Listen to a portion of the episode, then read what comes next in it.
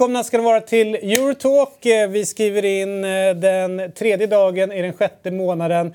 Året är 2019 och eh, vägarna vi traskar på är fortsatt långa. Det händer grejer, men kärleken den växer för varje steg vi tar. Och eh, det känns som att den här eh, säsongen eh, börjar liksom lida mot sitt slut. Hoprappning nu, eller hur? Va? Man, man tar de sista och eh, vad underbart liksom. Mm. Calcio Mercato bara dundrar på. Liksom. Har vi varit framme vid scen och, och bockat och, och bugat och har det varit eh, blom, blomster som kastas upp på, på, på scen och, och stående ovationer än för säsongen? Eller väntar vi lite grann?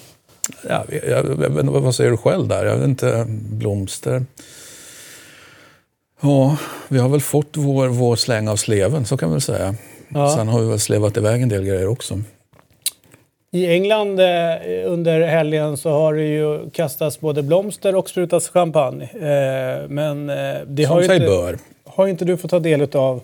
Eh, verkligen. Eh, oavsett om det handlar om på plats eller själsligt eh, eller mentalt. I och med att eh, ni fick sådär Du, vet, du, har, du har ingen aning om vad som händer i, i det borellska livet. Nej, Götene kanske har gjort en, eh, en stark insats. Eller Oddevold. Nej, inte varken eller faktiskt.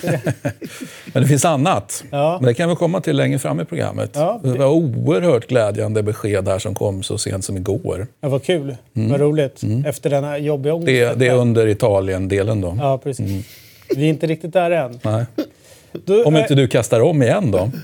Det vet man aldrig. Nej. Det var ju eh, High Su- Chaparral. succé. Ja, skulle jag säga. Det var en av de starkaste, så att säga, är du med? Du ska ju du ska inte vara helt förutsägbar när man spelar fotboll, eller hur? Va? Den omkastningen, det var, det, var, Spelförståelse. det var spelförståelse och det var en, också en kontring, eh, ett anfall som också eh, Leverera. levererade och Mm. gjorde mål. det roliga var att Björn som sitter ute, som är från Norrland, han... Eh, Uppskattar inte det, blev, eller? Nej, han blev ju chockad. så han har ju, inte, han har ju knappt hämtat sig. Ja, nej, Det var därför han såg så Grumpy. tagen ut. Ja. Grumpy. Eh, eh, gäster också och det passar bra. Förra veckan pratade vi inte så mycket eh, Spanien. Vill jag göra lite grann mer och i synnerhet det som händer eh, i, eller om det nu kommer hända så mycket i eh, Barcelona. Och det gör vi med Ahmed eh, som är Barca-supporter. Berätta lite grann om din bakgrund. Ja, jag är väl just nu aktuell med supporterkanalen. Eh, Kör och rattar den. Var med och startade upp Barcelona-podden för typ två år sedan. Nu kör vi supporterkanalen som är ett initiativ. Kanske ska sätta på mig den här också. kan ju vara Men jag tycker att, att, att det, vad fan, produktionsbolaget, vilka som producerar den här, borde inte de ge lite råd till sina gäster? Ja, Det här är, nu är det tv på riktigt. Ja, det är inte så jävla till- tillrättalagt eh, som på de fina kanalerna. Det är bra att Martin ingen, står upp för Ingen får säga fel, Ja. ingen får göra fel och alltihopa. Här Nej, är men det, det, människor. det är fullt naturligt. Men som sagt, eh, supportkanalen. Ja. Vi intervjuar Stockholmsfansen efter deras hemmamatcher. Eh, ganska likt eh, Arsenal Fan TV som många säkert känner igen och tittar på när det går dåligt för Arsenal. Ehm, så det vill skapa, skapa lite hets, skapa lite stämning och perfekt i och med, eh, ja, med allting som händer kring den svenska supporterkulturen nu. Hur, eh, har- du fått till några riktigt här, stökiga intervjuer alla Arsenal-TV? Alltså, ja, alltså, vi har väl några som är mer populära än andra. Eh, Söker ni upp dem eller bokar ni träff med dem? Just nu så antingen raggar vi folk eller så söker de upp oss. Sen har vi ju några som vi vet som vi har haft och som vi tycker är bra, som vi tar kontakt med och behåller kontakten med som kommer tillbaka. Men vi fick ju med oss Wilbacher eh, första gången. Ja. Han kom och ja, han var väl eh, som man är efter en fotbollsmatch liksom. Packad? Loose cannon.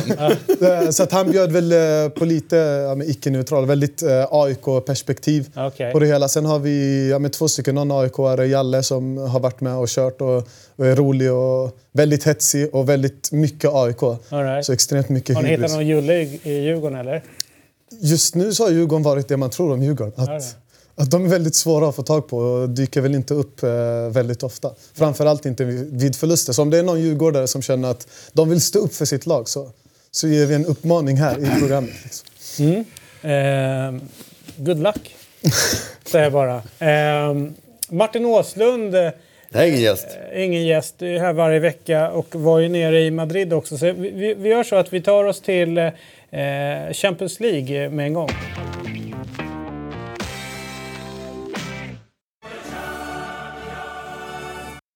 Och eh, det var ju en... Eh, innan vi kom in på matchen då så bara stök vi av då. Vi hade en omröstning förra veckan. Man kunde vinna en, eh, en sån här uh, fotboll. Uh, och vi ska kolla hur den såg ut, denna omröstning.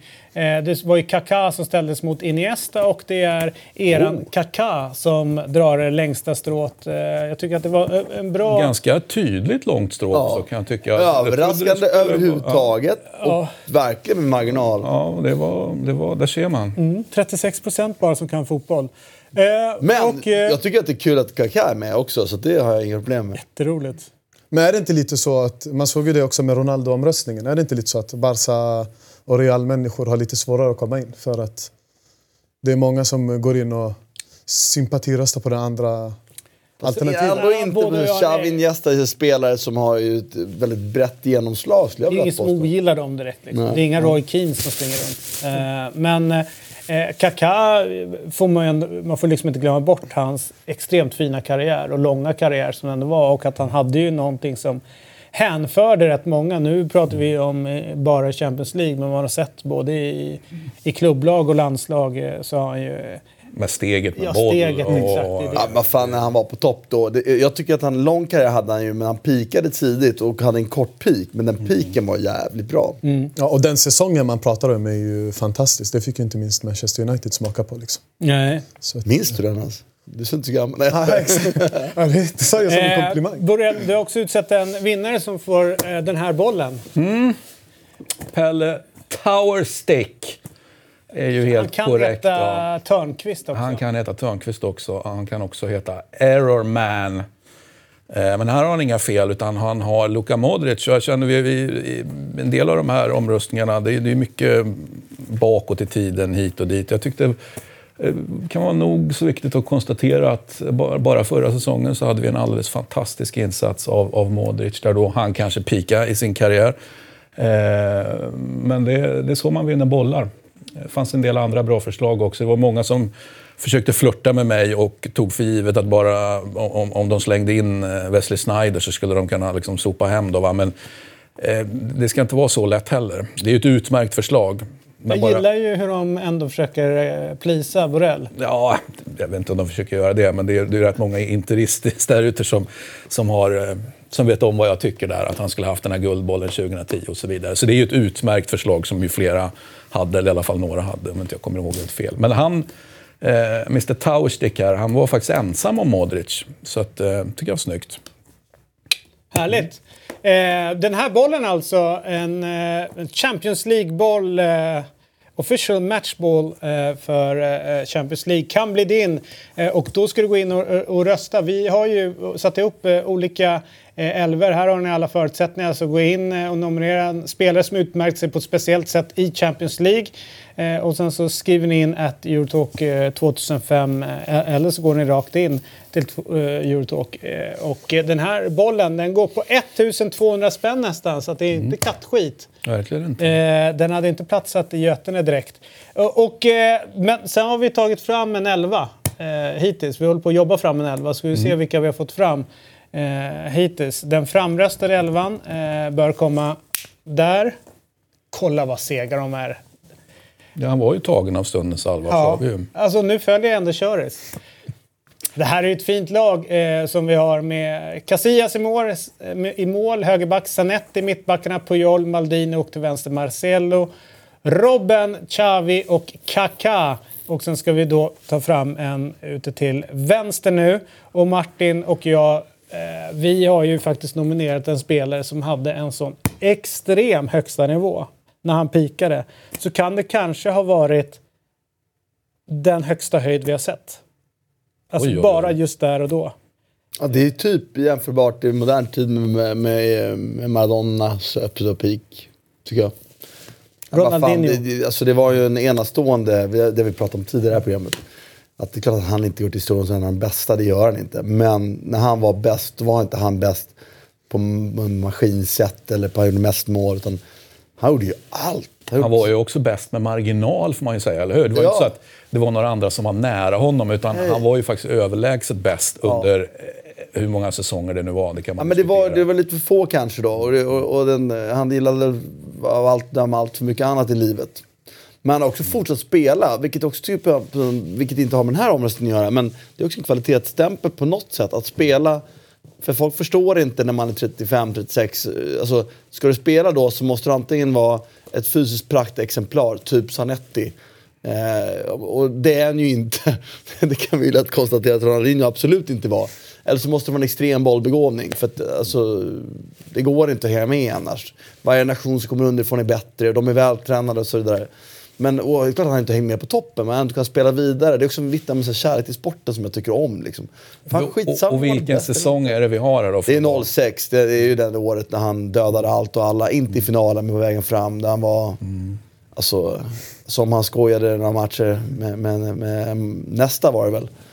När han till exempel gjorde det. Och, alltså det var, det är också elakt mot nästa som ju började alltså, okay, sjunga var, på sista versen. Ja. Alltså, jag säger inte att du var elak Nej, mot nästa. Jag, jag, jag, jag tror att det också var samma säsong som eh, bortaderbyt mot eh, Real. Ja. När de ställde sig upp. Och, alltså, han hade ju en, en enorm mm. bortamatch där. Verkligen. Och när de ställde sig upp på Santiago Bernabéu. Det, det säger extremt mycket om honom. Mm. Och mm. den prestationen och den nivån han var på. Men jag tycker det säger extremt mycket också om eh, Madrid-publiken. Mm. Som, är svår, som är svårflörtade, som är ja, men allting sådär och stolta och alltihopa. Men när de ser ett geni at work, då ställer de sig upp. Mm. Ronaldinho. Cruyff, Totti, Del Piero. Mm. Där har vi väl fyra då. Ja, och sen när man pratar om så här, alltså, moment, då är det ju så att under de två åren, under min livstid i alla fall, så har jag ju aldrig varit med om någon spelare där folk faktiskt gick hem för att titta på Ronaldinho. När man spelar på fotbollsplanen och så är man ute och, och alla säger så här, okay, men nu är det Ronaldinho som spelar. Det var ju nästan så att man glömde bort att det fanns ett lag som hette Barcelona. Mm. Just för den glädjen och, och så överlägsen som han var de två säsongerna. Det, så att när man pratar moment så... Ja, det, var en, det var en riktig, riktig jävla artist ja. faktiskt. Tyvärr, av allt att döma eh, så, så, slängde han bort sin karriär lite. Eh, alltså, I efterhand kan man väl säga att Mermot egentligen inte var speciellt professionell. Vilket säkert var en del av varför att han var bäst på det sätt han var bäst. Mm. För att han inte var någon som... Det var inte någon Ronaldo som kom hem med alla förutsättningar i gymmet. Utan hans hem, föreställer jag mig, det var en stor jävla grill och massa öl och musik. Och så, så levde han livet liksom. Han var ju Garincha, inte Pelé. Någonstans. Ja. Det är nog bra. Har ni, eh, har ni någon som skulle eventuellt kunna... Ja, det kan, det, det kan du ge dig på. Att vi, har, vi har ju den världens snabbaste eh, vänsterytter genom alla tider. Eh, och eh, det här, här, är ju då... Fanns, en... fanns ens fotbollen när den Firefoot fanns inte. okay. ja. Nej, men eh, nu går vi med Barca mot Real här och, eh, och jag, den, den så att poetiska tolkningen här att det här är ju, det är ju pre-CL helt enkelt. Men oh, för fan. att knyta ihop Europacupen och CL, det måste man också ja, göra. Och där är ju Real Madrid... Jag fick för mig att det var CL som gällde. Ja, men det... Jo, men det är ju... Det är ju eh... För oss ja, men för dig såklart Christian. Eh, det går att diskutera i och för sig. Det är den tolkningen vi har gjort då. Men jag tycker liksom Real Madrid är, eh, är ju då väldigt viktiga att den här turneringen har blivit det den har blivit. Dels att den blev det där och då med de fem raka eh, från när turneringen startade, 55-56. Och, eh, och sen har ju Real Madrid bevisligen spelat en ganska viktig roll i, i modern tid. Eh, och det häftiga med Gento då är ju att, eh, och den säsongen som är nominerad här är ju, eh, är ju för det som är finessen med Gento, förutom att han är liksom sjukt snabb och, och målfarlig och hela den balletten, det är ju att han är den enda Real Madrid-spelaren som faktiskt är med. Eh, Under alla fem år? Alla fem åren och sen när de tar sin sjätte titel då, 65-66. Så det är ju säsongen 65-66 när, när alla, alla alltså, de här tidigare superspelarna, liksom Puskas och Di Stefan och allt möjligt, när de någonstans har börjat lägga ner så är det ju en spelare som bara fortsätter och, och gör liksom de här sex titlarna. Mm. Och det är ju Gento. Så därför är Gento eh, Han har lika många titlar själv som Liverpool har. Ja, det sätter ju saker och ting i något slags perspektiv mm. onekligen. Mm. Fantastisk fotbollsspelare. Eh, Fem fler än Chelsea. Ja, sex mer än Arsenal tyvärr. Ja. AIK och Arsenal har lika många titlar i Champions League. Mm. Sug på den. J Södra och Arsenal har lika många titlar. Just saying. Inget fel med J Södra. Nej, verkligen inte. Selmonsson spelar i J Södra, men det har du koll på såklart. Vad sa du? Nej, du hade inte koll på det, men så säg, vi kan jag, jag, fortsätta. hörde, jag hörde verkligen inte. Säg en till. Jag har, på riktigt så... Jag sa Selmonsson spelar ju J Södra, bara en sån sak. Ja, men där är, där är, det är säkert någon gammal stöt så här som jag har tappat. Ja, det. en gammal stöt, ja. Ja, exakt. Du vet, eh, eh, nu, nu tycker vi ändå att folk ska få chansen att ställa de här två mot varandra. Mm, ja blir ju... Gento mot Ronaldinho. Jag skulle bli väldigt överraskad om inte Ronaldinho kom med. Men det är kul med överraskningar. Men jag har ju hela, jag har ju hela Real Madrid-bandet med mig här nu, tar jag för givet. Mm. Plus de som då tycker att det här är lite viktigt att Tänk att- sätta nuet mot dået. Ja, jättekul. Tänk dig då att de nu som du vill ha med dig en gång i tiden har stått upp på Bernabéu och applåderat eh, Ronaldinho. Så det ja, finns men, eh, men eh, det vet jag inte om, om de, så många var nere från Sverige där och då. Nej. Om vi nu tar, tänker oss att det är i Sverige man röstar här. Men vi kanske, vi kanske har en sån internationell following så att det är många som... Eh, vi har en internationell touch på programmet. Både vad gäller na- namnet på namnet på programmet och på eh, om- oss, oss som sitter här. Så, gå in och rösta. Ni fick ju förutsättningar. Vi kan slänga upp den där skylten igen så ni får se hur det går till. Eh, så kan ni titta på den eh, samtidigt som eh, vi tar oss an eh, Champions League-finalen som spelades i Madrid. Eh, och eh, eh, jag eh, ja, ibland brukar jag landa in och kolla på utländska tv-kanaler. Och kände, med tanke på att det var en hel engelsk final, att det vore rätt kul att se hur England tog sig an den här eh, matchen. Fin studioplats hade de kan säga på Ja, plats. ja skojar du? Eh, och de var ju liksom överallt eh, under hela sändningen. Dels där uppe då, som du antagligen tänker på, men de var också nere på eh, pitchside ganska mycket och hade rätt mycket folk runt omkring eh, det hela. Eh, sen når ju mig uppgifterna att folk tycker att det var en tråkig eh, Champions League-final. Eh, men när man fick den uppladdningen som, som det ändå var och den nerven som, som det ändå var och den stoltheten och alltihopa som var och sen när man själv lite anglofil så så kändes det aldrig tråkigt. Eh, och eh, jag skulle vilja också dra mig till eh, liksom, in i supporterdelen. Att om du går till någon som håller på Liverpool och säger vilken tråkig final, man skiter fullständigt i det. Därför att man har vunnit en titel. Och när man sitter under tiden, jag kommer ihåg när Chelsea var uppe i final eh, 2012, det är ju någonting annat. Man, det, här rationella, folk som sitter ungefär som football manager, ungefär nu är det final och alla ska prestera. Det finns så mycket andra värden runt det hela. Så att när jag eh, satt bredvid en som höll på Tottenham, han, jag frågade efteråt var det tråkigt, han bara "Ja, det var helt fantastiskt att se mitt Tottenham i Champions League-final. Trots att Mm. Det, det är inte blev som det blev. Men eh, just kvaliteten på matchen sket folk i. Som verkligen var liksom inne i det. Ja, men så är det ju om man, om man nu håller på något av de två lagen. Och, men vi som är neutrala då, vi, vi är ju då lite besvikna såklart. Och, och, Men jag tyckte det var nerver i den här matchen. Jag tyckte det var spännande i, liksom, runt Alltså det det hela. som är jobbigt med Det hade matchen... varit värre om det varit som något år, fan vet jag, när Arsenal mötte ba eh, Barcelona något år. den var spännande. Ja, men det blir utvisning efter en minut. Matchen är död. Liksom, Ja, här så. fick du en straff efter, efter, efter eh, vad det nu är. Ja. Också matchen död. Liksom. Egentligen inte. Den, den tvingas ju till att hända någonting med det. Ja, precis som utvisningen också då, kan, går det att argumentera för. Utvisningsstraff, det är väl liksom, kan, kanske same same ändå. Då. En man mindre. Nej, men jag måste säga att jag, jag är besviken som neutral. Jag, jag tycker det liksom, och det, är, det är lite tråkigt nu, för nu är vi ju... Och, och det kanske inte är finalen som ska vara bra heller, utan det kanske är resan dit fram. Det är där vi ser den fantastiska Men fotbollen. vad var det som var dåligt om du ska säga Nej, men jag bara kände att, jag, att luften gick ur direkt. Jag började ju fan sappa liksom och bara tänkte, jaha, hej, hej då den här finalen. Liksom. Jag bara kände, det jag, och det jag kände när jag fortsatte titta sen, vilket jag ju såklart gjorde, är ju att ja, men liksom Spurs är ju inte, de är, de är för dåliga. Precis, precis så som Liverpool var i fjol. Det vill säga, man var så uppenbar, ja, men de är för dåliga, det här kommer inte bli någon match överhuvudtaget. Och så som det faktiskt var också när Juventus eh, mötte, mötte Real. Så nu är det liksom tre finaler i rad där ett av lagen liksom inte ens är nära att, vinna. Och det tycker jag, som neutral, då, tycker jag att det är tråkigt. Men, men jag säger inte att... Alltså, det är väl så det är i finaler. Det kanske är så jävla enkelt. Men, men anmärkningsvärt ändå att de är, att de är Men så är, långt vad, vad är ifrån. man ute efter? Är det det fantastiska spel? Alltså ska, det, det jag satt och och funderade på det är ju att Spurs tycker jag, försökte skapa och liksom kom till halvhyfsade typ intentioner. Men det var vissa spetsegenskaper i Liverpool som gjorde sig gällande. Till exempel van Dijks försvarsspel. Alltså hur jävla bra han faktiskt är i, i det jobbet. Som gjorde att med en mer begränsad spelare på den positionen så tror jag nog att Spurs hade kunnat komma till till, eh, till hetare lägen. Men sen sa ju Andreas Alm en intressant sak just det här med kuppspel och seriespel. Varför det blir så tydligt annan karaktär. Jag såg några experter, både här hemma och, och liksom på andra ställen, som pratade om att nu kommer Klopp att gå för och han är verkligen den här, alltså en viss typ av spelare. Men som Martin har argumenterat för också och Andreas Alm, det här med kuppspel och seriespel, vilka stora Skillnaden är på det.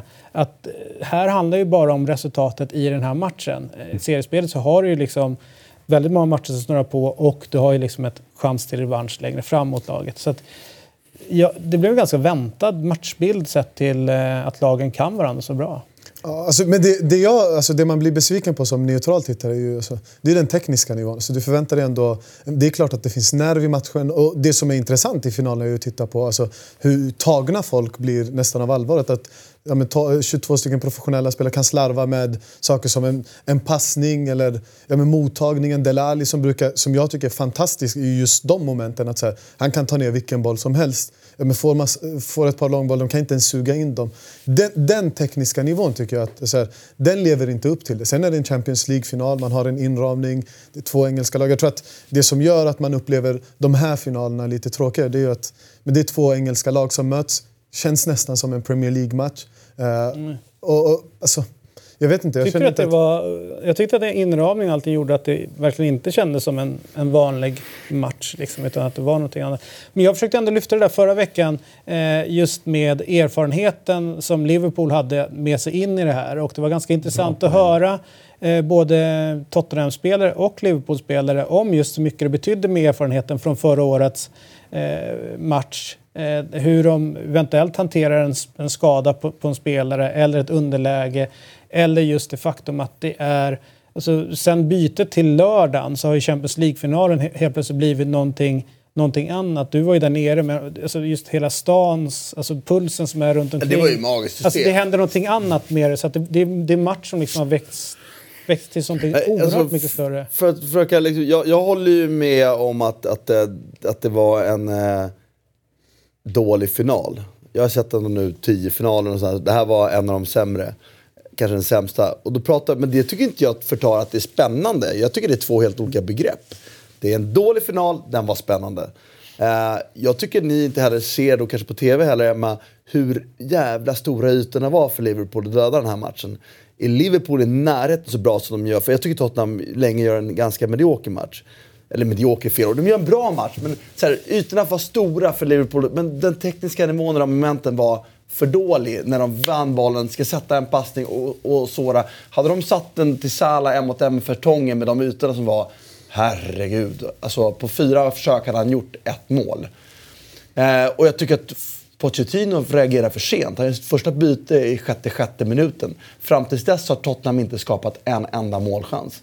På, på, på 70 minuter de behöver jaga en match. Och de var också tekniskt för dåliga. Och där kan man prata om nerver. Men vet du vad? Jag tycker nerverna... Alltså det, det, är inte, det här är inte människor som, du, som vi här. Utan det är inte nerverna, det är den tekniska nivån som är för dålig. Det är ju det. För att de bra spelarna klarar ju av att hantera tekniska nivån även när det är stora matcher. Det är ju det som gör en stor spelare.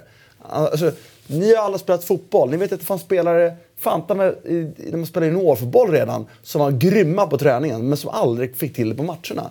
Det är ju det, det, är det som är skillnaden. Jag var inte bäst i min årskull på träningar. Men jag, för mig, jag lyfte mig när det blev tävling och match. Det är ju det är en del av hela liksom... Så därför blir jag ju besviken på den tekniska nivån. Jag tycker den var riktigt, riktigt dålig. Jag tycker finalen var spännande ändå, för den var jämn. Och Tottenham får ju tids nog en jättepress där. Det är ju, då står ju matchen verkligen väger under typ fem minuter. Då gör Liverpool 2-0. Och det var ju ganska ologiskt. Sett över hela matchen tycker jag ju Liverpool var, var det bättre laget. De kontrollerade, de hade koll på det. Med lite bättre skärpa, normal skärpa, så har de dödat den här matchen. Men då, där och då lever den. Så jag håller ju med, jag, jag håller ju med alla tre. Jag förstår liksom inte motsättningen heller riktigt. Nej, ingen motsättning. Vi pratar Och jag tycker det kanske inte heller att det är ett problem. Och det håller jag inte med dig Christian. Jag tycker inte att, att Tottenham var för dåliga för det. Det var de inte. Tottenham var bra. Jag tycker Juventus var bra som var där också. Jag tycker Liverpool förut också var bra.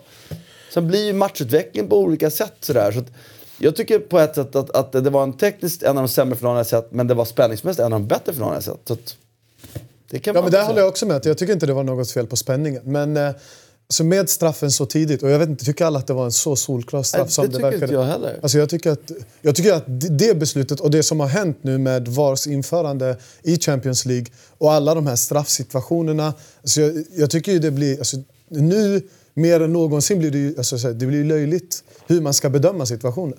Vi har, Det är så roligt med, med de här besluten. Rio Ferdinand eh, eh, och eh, Glenn Hoddle, de är ju så allergiska mot eh, det här att domare inte har en spelförståelse i, i vissa lägen. Eh, det är som när, eh, när United fick straff i slutet. De, de är så här, för dem är det aldrig straff. Liksom, så här. Det, det, det, vissa saker händer i fotbollen, det där är aldrig straff. Och, eh, och sen just den här då att eh, han springer och Ja, pekar exakt. och, eh, och sen så, då så kommer ju bollen i andra läget på det är en sak om man har gått direkt på men nu går den från kroppen på armen och då är avståndet så pass kort så då är det helt omöjligt för honom att, att, tycker- att göra någonting. Så det är det som gör skillnaden. Vad sa de i studierna? För jag hörde inte studierna. För, för vi sitter där på plats, vi ser reprisen. Eh, det första chans, känslan är att det är solklar hans. Vad gör han? För även om han pekar på något annat, han sträck, det är en onaturlig position sett till att han ska spela försvarsspel. Alltså det går alltid att. Onaturligt, det är väl naturligt om du pekar. Ja, det är väl men dumt om du står så här. Men liksom. som bedömningen är så är det onaturligt. Så det är ju solklart. Tar den på handen så är det en straff där. Men den tar ju faktiskt på kroppen först. Och då är det ju i mitt tycke en ny situation. Exakt. Och då är den naturlig, onaturlig på ett sätt. Men distansen är ju, alltså, jag vet inte. För det var det de argumenterade för. Men då tyckte i de att det var straff eller inte? Nej, nej. I studion nej, nej. är det väl Bojan som, eh, som men jag såg inte det. Jag såg ja, jag, det. jag, Men jag alla- jag studion. alla Då- studion, Då tror, jag, alltså, då tror jag att alla andra var väl nog... Ola säger ju väl inte mycket om sina egna åsikter men de andra var väl för att eh, det skulle vara straff. Sen var det Bojan som sa så här, jag tycker att det är billigt. Och det, men det tycker jag också. Och sen tittar de ju på det... Alltså, de har ju VAR-domare för att Vad, man ska sa, titta vad på sa de i den stunden då? Att det aldrig var straff i och med att det blir en ny situation då den tar på kroppen och sen studsar vidare. Om det hade varit en annan... De säger visst, man kan ifrågasätta eller prata om att eh, armen uppe men då säger alla där i alla fall och, i, i, eh, att... Eh, men han, må- om man pekar på att någon kompis ska ta en markering längre bak då är det ganska naturligt att en arm är uppe. Såklart. Eh, så att det är där de tycker att det är konstigt med att, den här straffregeln. Och sen, så de är rätt sköna för de har en domare då som sitter med, som sitter på länk, eh, som de hela tiden kallas in så fort det är någonting och så går han igenom reglerna. Trots att eh, emellanåt att domaren säger så att det här är regeln så kan ju Reader Ferdinand, det är nästan alltid han, som går igång och säger så här That's a fucked up rule, alltså ungefär. Han Fast säger det fucked up. Och så går han igång och berättar liksom hur känslan är. Det är ju mer onaturligt som de stör sig då på och vissa, de visade för några matcher sen eh, när spelare går runt så här med armarna bakom. Då säger han så här, Ja, Det, ju blir löjligt. Det var ju som den där säsongen i det La Liga. Men det är ju riskminimering. Men det också gör ju det att vad blir det för försvarsspel? För Då vi- plockar de fram situationen när det har blivit typ mål när spelarna på grund av armarna på det sättet inte kan röra sig, förflytta sig på samma sätt lika explosivt för att det är en balansfråga alltihopa står Jättebra tycker jag. Eh, ja, det är jättebra för de offensiva så. Men de tycker ju att det, det är ett problem. Så att, eh, liksom, ska man lära småbarn att försvara Ja, men det kan ju inte vara meningen att vi ska här spela Nu. fotboll på det sättet. Alltså, Det är blir inte- sjukt. Måste man göra jag någonting bara säga, för nu pratar vi namn. Vad sa den här domaren då om den sa han? Nej, han, eh, han sa ju eh, att så som reglerna är nu så tyckte han att man skulle kunna argumentera för straff. Men han la ju till en passus och det var ju det att den just kommer härifrån och dit. Och då säger han så här, men bara för att armen är på väg ner och möter bollen, då tolkar domaren som att han ändå försöker stoppa bollen. Men det är ju jättekonstigt. Det har varit en sak om man drar ner den så, men nu går den ju då- så och då drar den Och det, och det är väl det någonstans man, som var min känsla i matchen. Jag, jag ut, utvecklar det inte mer för det blir ju så här väldigt mycket trams. Men, men Men det är ju att det, det fanns ändå stöd för att blåsa straff. Alltså kan man inte säga att det är fel. Den är väldigt, väldigt hårt dömd. Den är hårt dömd, så är det ju. Men det som Och- stör och- mig och det är att också man- domaren inte får titta på det. Varför får inte... Alltså, Jo, de får titta. domare, Får, han väljer alltså, ju inte titta. De får titta. De Men väljer... var- är det dom- varummet tittar på det. Ja, jag vet att do- Nej, varummet det- tittar på det, men en domare sätter ju nivån på matchen. Nej, men det att de roll. inte ska gå ut och Nej, kolla han, på det. det. är han som bestämmer. Han, Så att han kan säga jag vill Han- gå och titta. han, det är han som tar avgörande beslutet. En VAR-domare får aldrig köra över huvuddomaren. Även fast det är en situation där VAR-rummet säger att det här är tydligt, vi tycker att det här är tydligt straff. Men det avgörande beslutet sitter alltid huvuddomaren. Men kan han gå och säga så här, jag vill titta i så fall? Han, ja, Ja, han, då- kan, han alltså, kan kolla på ja. vilken situation han vill. Även fast inte VAR-rummet har sagt någonting. Då säger han så här, det där ska jag vilja kolla på. Men jag tror att det där är Men- ganska, han har nog ganska klart för sig vad då- som var situationen och de kan berätta. Det, så här, det var ju väldigt tydligt vad som hände, det rådde inget tvivel vad som hände. Så att jag, jag, de berättade för honom bara att det, var så så, den tar lite innan, men behandlingen var onaturligt. Det, Ja, det, det blev straff. Ja, Ja, och, och, så här, det går att det. argumentera för att den trä- Det fanns stöd för det och det var det min bild, det bekräftade den här domaren. Då spelar det liksom ingen roll vad vi tycker sen om regeln. Och det har vi diskuterat i led. Men den det- ska ju göras om till nästa år vad jag förstår. Det är ett förslag på och, det. och då är det väl att så fort bollen tar på handen, Yes. att det är den. Ut från kroppen. Ja, exakt. Eh, och då, oavsett hur nära du är egentligen, det är den regeln, konstiga regeln som var i La I Liga. La Liga, exakt. några Jag älskade den. Men det finns två vägar att gå, det vi pratat om tidigare. Jag håller med din tolkning också, för det är den andra vägen att gå. Att om, man inte, om, inte bollen, om inte handen aktivt söker bollen så ska det inte heller vara straff. Det är de två vägarna man måste gå från där vi är nu. Exakt. Nu väljer vi en av dem. Den tycker jag är bättre, men vi måste välja en av dem bara tycker jag. Bra. Och det, det förhoppningsvis blir det så, det vet vi ju inte. Vad, eh, jag måste ändå säga när man satt och kollade på det här, det, det fanns ju någonting härligt med att Jordan Henderson fick eh, vinna den här. Eh, för om man backtrackar, Jordan Henderson värvas in till Liverpool, det är Kenny Dalglish som gör det. Han, han liksom slår, i någon form av moneyball-ranking så slår han väldigt högt upp på alltihopa. De säger vi har hittat rätt. Sen fick ju Kenny Dalglish rätt mycket skit för den här värvningen. Utav liksom, han har ingen riktig koll, vad är det som händer och så vidare. Men Jordan Henderson har liksom tagit jobbet säsong efter säsong och bara växt i sin roll klubben, växt in ännu mer i sin roll som lagkapten. Och är ju så oerhört jävla lojal mot liksom det som varje tränare har varit där vill spela sin fotboll på. Och sista steget Ja, fått. och han gör fan sitt jobb hela tiden. Jag tycker det är... Och han har pallat mentalt. Mentalt. Den jävla ork orkan som så att säga, man kan ju tycka vad man vill om hur bra han är han egentligen och så vidare. Men bara, jag, jag fastnar vid att han pallat all den här jävla kritiken han har fått under så många år. Mm. Ja, det är jag ju otroligt jätte, starkt. jätte, jättekul att se. Jag tycker också att det är den sista förflyttningen av position. Alltså, så att, så sittande mittfältare var han för dålig passningsspelare. Nu när han då blir en, en lite dels, dels passningsspelare men också mycket mer en aggressiv bollvinnare, lite högre på banan med Fabinhos intåg. Då har han varit riktigt, riktigt bra. Det är också han som slår bollen till eh, Mané efter 20 sekunder. Van Dijk vinner en stark nickduell men det var också extremt tydligt då att han försökte spela Mané bakom. Mané var också jävligt bra de här löpningarna. Och där är så, också- Jag vet inte om ni ser på TV men han hade kanske fem sex sådana där när de bara ah, lite bättre skärpa. Så han, två frilägen i första halvlek till. Det, Liksom. det som också glöms bort innan straffen, det är ju det att en del säger att det är straff och sen dör matchen. Grejen är att Liverpool kommer ut och är beredd att och, och, och, spela fotboll. Alltså det som leder upp till den här, det är ju två, tre duellsituationer som Liverpool vinner allihopa. Och sen sticks ju bollen fram eh, innan straffen. Så att man kan ju argumentera för att visst, man kan ju stirra sig blind på straffen bara. Eller så kan man se vad som händer de första eh, duellerna där. Och Ja, där, var- där kommer Liverpool ut Ja, där var det väldigt hetare. tydligt. Alltså det, och det, det tycker jag hade varit intressant att se om Klopp. För att det jag tycker är intressant med den här finalen kontra vad man har sett från Klopp tidigare. Det är ju att i den här efter att man får målet så är det ändå ett mycket mer kontrollerat Liverpool än vad man har sett tidigare. Det är ändå ett Liverpool som... Men jag, jag tror att han hade tagit större risker om inte målet kommit. Och jag tror att om det hade varit för några år sedan så hade vi sett ett Liverpool som nästan hade försökt eh, springa och göra precis som de hade i starten, att ja, men Tottenham fick knappt andas. Så att det är ändå intressant att se den utvecklingen på Klopp. Och som Martin pratade om, Hendersons, att man byter position på honom. Om det är för att Fabinho kom in eller om det är att man faktiskt har sett det. Det är också superimponerande. Att för då tar man en väldigt begränsad fotbollsspelare i många aspekter och får ut max av det som han kan ja, i pressspel och att ja, men du ska inte slå de här korta passningarna kanske utan ja, men slå den där långa på Mané och Salah som springer. Tycker jag det är härligt med eh, de här ytterbackarna som springer där. Eh, Alexander Arnold som Mm. gör så oerhört mycket bra grejer. Tänk att jag aldrig lär mig hans ordning på namn. Man ska Trent säga det. Alexander-Arnold. Trent Alexander, men Alexander Trent Arnold. Vad fan var det nu då? Men är det inte tydligt nu Men också att han är lite är- bättre än eh, Robertson? Tycker jag. Alltså, Jo, de senaste han, har, matcherna- han har större höjd han än vad har- Robertson har. Det har han också, men han gör ju ganska många idiotpassningar också i det hela. Ja, absolut. Vilket är det här, han, han är 21 år. Det, är en, det är en liten kille liksom. Var det det är mittfältare också egentligen? Är inte det för mig? Så han blir högerback. Så att, um, Ja, kanske. Men jag tycker det är jävligt spännande det där med... Han drog ju några indianare som eh, man undrar vad... Det där är inte bra att dra in bollen centralt i banan där. Det är bättre att skicka iväg den. Men det är ungdomlig entusiasm. Ja, men jag gillar Ja, men de är ju, de är ju Och vi ska skönt, också säga det- skönt par helt enkelt. Ja, ja, men jag gillar deras ytterbackar, det är väl klart. Både Robertson Vi ska också säga det apropå då, på, för vi pratar om eh, bra spelare, van Dijk hur bra han är. Jag måste säga försvara Kane lite. Folk säger att Kane var inte färdig att spela, var inte form. Det kanske han inte var.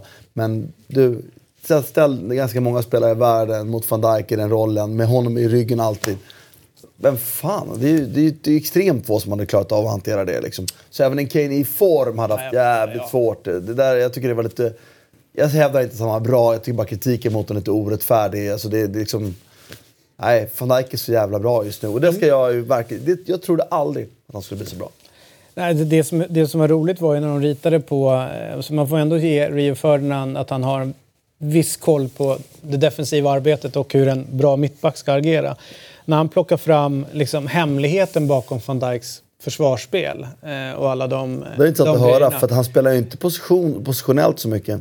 Nej, men hans, eh, det där med som man pratar om centrala mittfältare och hålla koll överallt. Så kolla hans huvud, hur det går och han, liksom hans värderingar utifrån vad spelare är. Han har sin snabbhet, han har sin styrka i luftspelet och så. Det tycker jag är en intressant utveckling. För det skulle jag vilja att van Dijk. Om man sett eh, van Dijk spela mittbackspel så kan jag ju fortfarande sitta och se matcher. Framförallt live ser man att han gör ju beslut som man skulle hävdat för tre år sedan är direkt positionellt dåliga. Han gör ju fel beslut. Men dels räddar han ju ofta upp det med sitt, eh, sin snabbhetsstyrka. Och det andra är när man sett utvecklingen när han spelar med en bättre mittback, när han spelar med Delicht till exempel. De, alltså, jag tror vi är på väg att lämna det här extrema zonpositionförsvaret mot att ha ett mycket större inslag av man-man igen. För det är verkligen så de spelar. Ni såg, kommer ihåg den där chansen Del, utan Delal, nej, är det Delal som får den? Nej, det är Son som får den. När han springer bakom. När Trent Arnold, Alexander Trent Arnold. Trent Alexander Trent Arnold. Trent Alexander Arnold springer in bakom under. Det är uppkommet av att van Dijk tar felaktiga beslut. Han sticker med, alltså det är huvudlöst tycker jag upp i banan. Men det är också ett nytt sätt att börja spela försvarsspel. När man förut alltid pratade om att, att liksom mitt- mittbackarna och ytterbackarna höll linje med dem. Så har man börjat få lite andra dimensioner Att de kliver in. Ja men det börjar bli en annan, och det jag ser det också, jag ser det mer på den typen som kommer fram. Jag tänker på de här 299 Frankrike har, Zagadou och Konaté. Som spelar i Leipzig och, och Dortmund. Dortmund. Ja, det, är, det, är en ny typ av mittbackar. De är ju van Dijk-typer. Jävla monster. Och nu har Bayern München gått ut och lagt 80 miljoner euro på Hernandez som är den gamla typen av mittback. Alltså, jag- som också är grym. Men någonting säger, jag ser ett skifte där som är... är van Dijk är ju inte en positionell mästare. Det är han inte.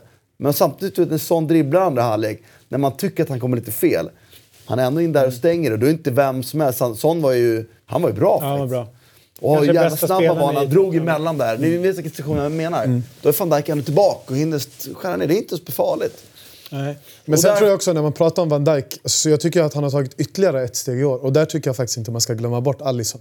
För där, alltså där tycker jag Han alltså, var också bra, Alltså, han han är ju fantastisk. Det är ju ett i gruppspelet, den här räddningen mot Napoli. Där han egentligen går åt fel håll men på något sätt rättar, äh, räddar Milik Scott med, med benen. Han är väldigt bra mot Barcelona, det missar många. Så här, blir det ett mål i den matchen i första halvlek, då är matchen död. Då spelar det ingen roll att Liverpool spelar så bra som de gör i andra halvlek, om de ens gjorde det.